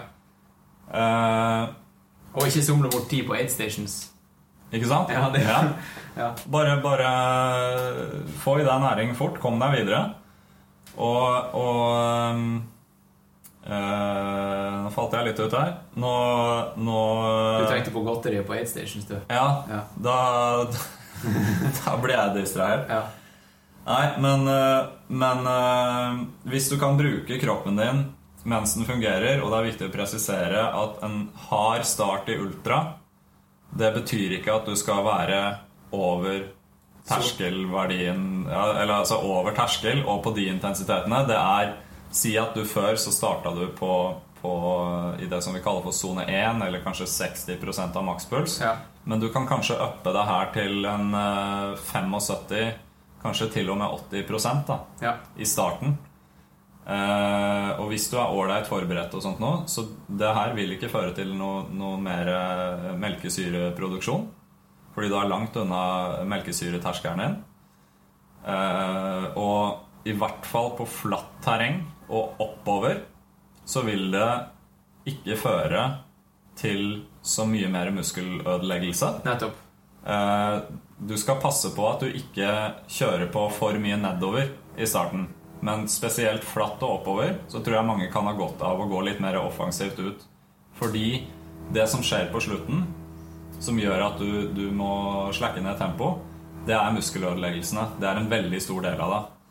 Og hvis du kan ha et høyere hastighet i starten uten å få mer muskelødeleggelser, så har du fått et forsprang på en del folk som ikke turte å åpne like hardt. Og du kan være i stand til å holde samme hastighet som dem på slutten og, og eh, tjene tid totalt sett. Ikke sant? Og, og det, er, det er liksom det, blir, det her blir veldig sånn erfaringsbasert, men, men jeg, jeg har på en måte lest om det her, og jeg har prøvd å putte det ut i praksis.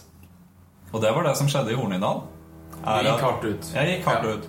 Og Nå, der vi- kan bare si til lytteren, nå er det litt sånn oppussing i, i naboleiligheten. Hæ? Det er litt sånn dirring i veggen, så hvis du hører noe dirring, så er det det. Ja. Men fortsett. Det er ikke vi som har er vibratorer her. Ja, ikke. Eh, ja, Hornindal, der hadde jeg bestemt meg for, fordi jeg så at det var ingen av de Det var ikke noe Skjervheim eller noe Didrik Hermansen på, på startlista, de store kanonene. Ja. Og jeg visste at på en måte det er litt sånn hipp som happ hvem som ligger i teten her, så jeg hadde bare bestemt meg for at jeg skal følge den som, den som ligger i tet, da. Ja. Uansett hvilket pace den har, hvis den ikke er helt idiot. Eh, og det var det som skjedde, er at jeg fulgte Truls eh, Grøstad, som satte opp et veldig tempo i, i første bakke. Ja. Vi fikk kjapt avstand til en del andre. Ja. Eh, hvis du ser i forhold til han som kom på andreplass, så var jeg åtte minutter før han inn til halvveisstasjonen. Og i mål så var jeg 7,45 foran han. Så det vil si at jeg, Ja. jeg tjente åtte minutter fram til halvveis, og vi holdt så å si samme tempo resten av konkurransen. Så det er litt Altså, Du kan ikke trekke noen konklusjoner av én person som gjør én ting på én dag, men det er litt manifest for, for eh, at det her kan være noe å tenke på. Ja. Eh, så kort oppsummert prøv å starte hardere. Ikke start hodeløst. Eh, si at det er maks 80% av makspuls. Eh, om du bruker følelse eller om du faktisk bruker pulsfeltet. Det, prøv, det, det blir noe som vi sier lav sone 3, da, eller noe sånt noe. Ja. Men, eh, men eh, en hardere åpning kan være hensiktsmessig. Eh, prøv det. ja. Du har ingenting å tape på det. Nei. Det tror jeg er kjempebra siste ord. Mm. Bare gønn på, folkens. Bare kjør på. Kjør på. I Ultralokk og i livet. Og i livet. Ok, nå, Da sier vi det sånn, eh, lytter, at eh, du uh, sier fra hvis det var noe du uh, vil høre mer om, eller uh, ja, lurer på. Vi er et panel med eksperter her som kan svare på alt du lurer på om ultraløping.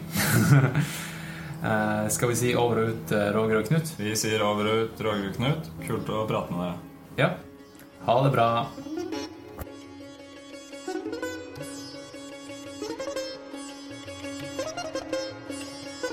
por mí.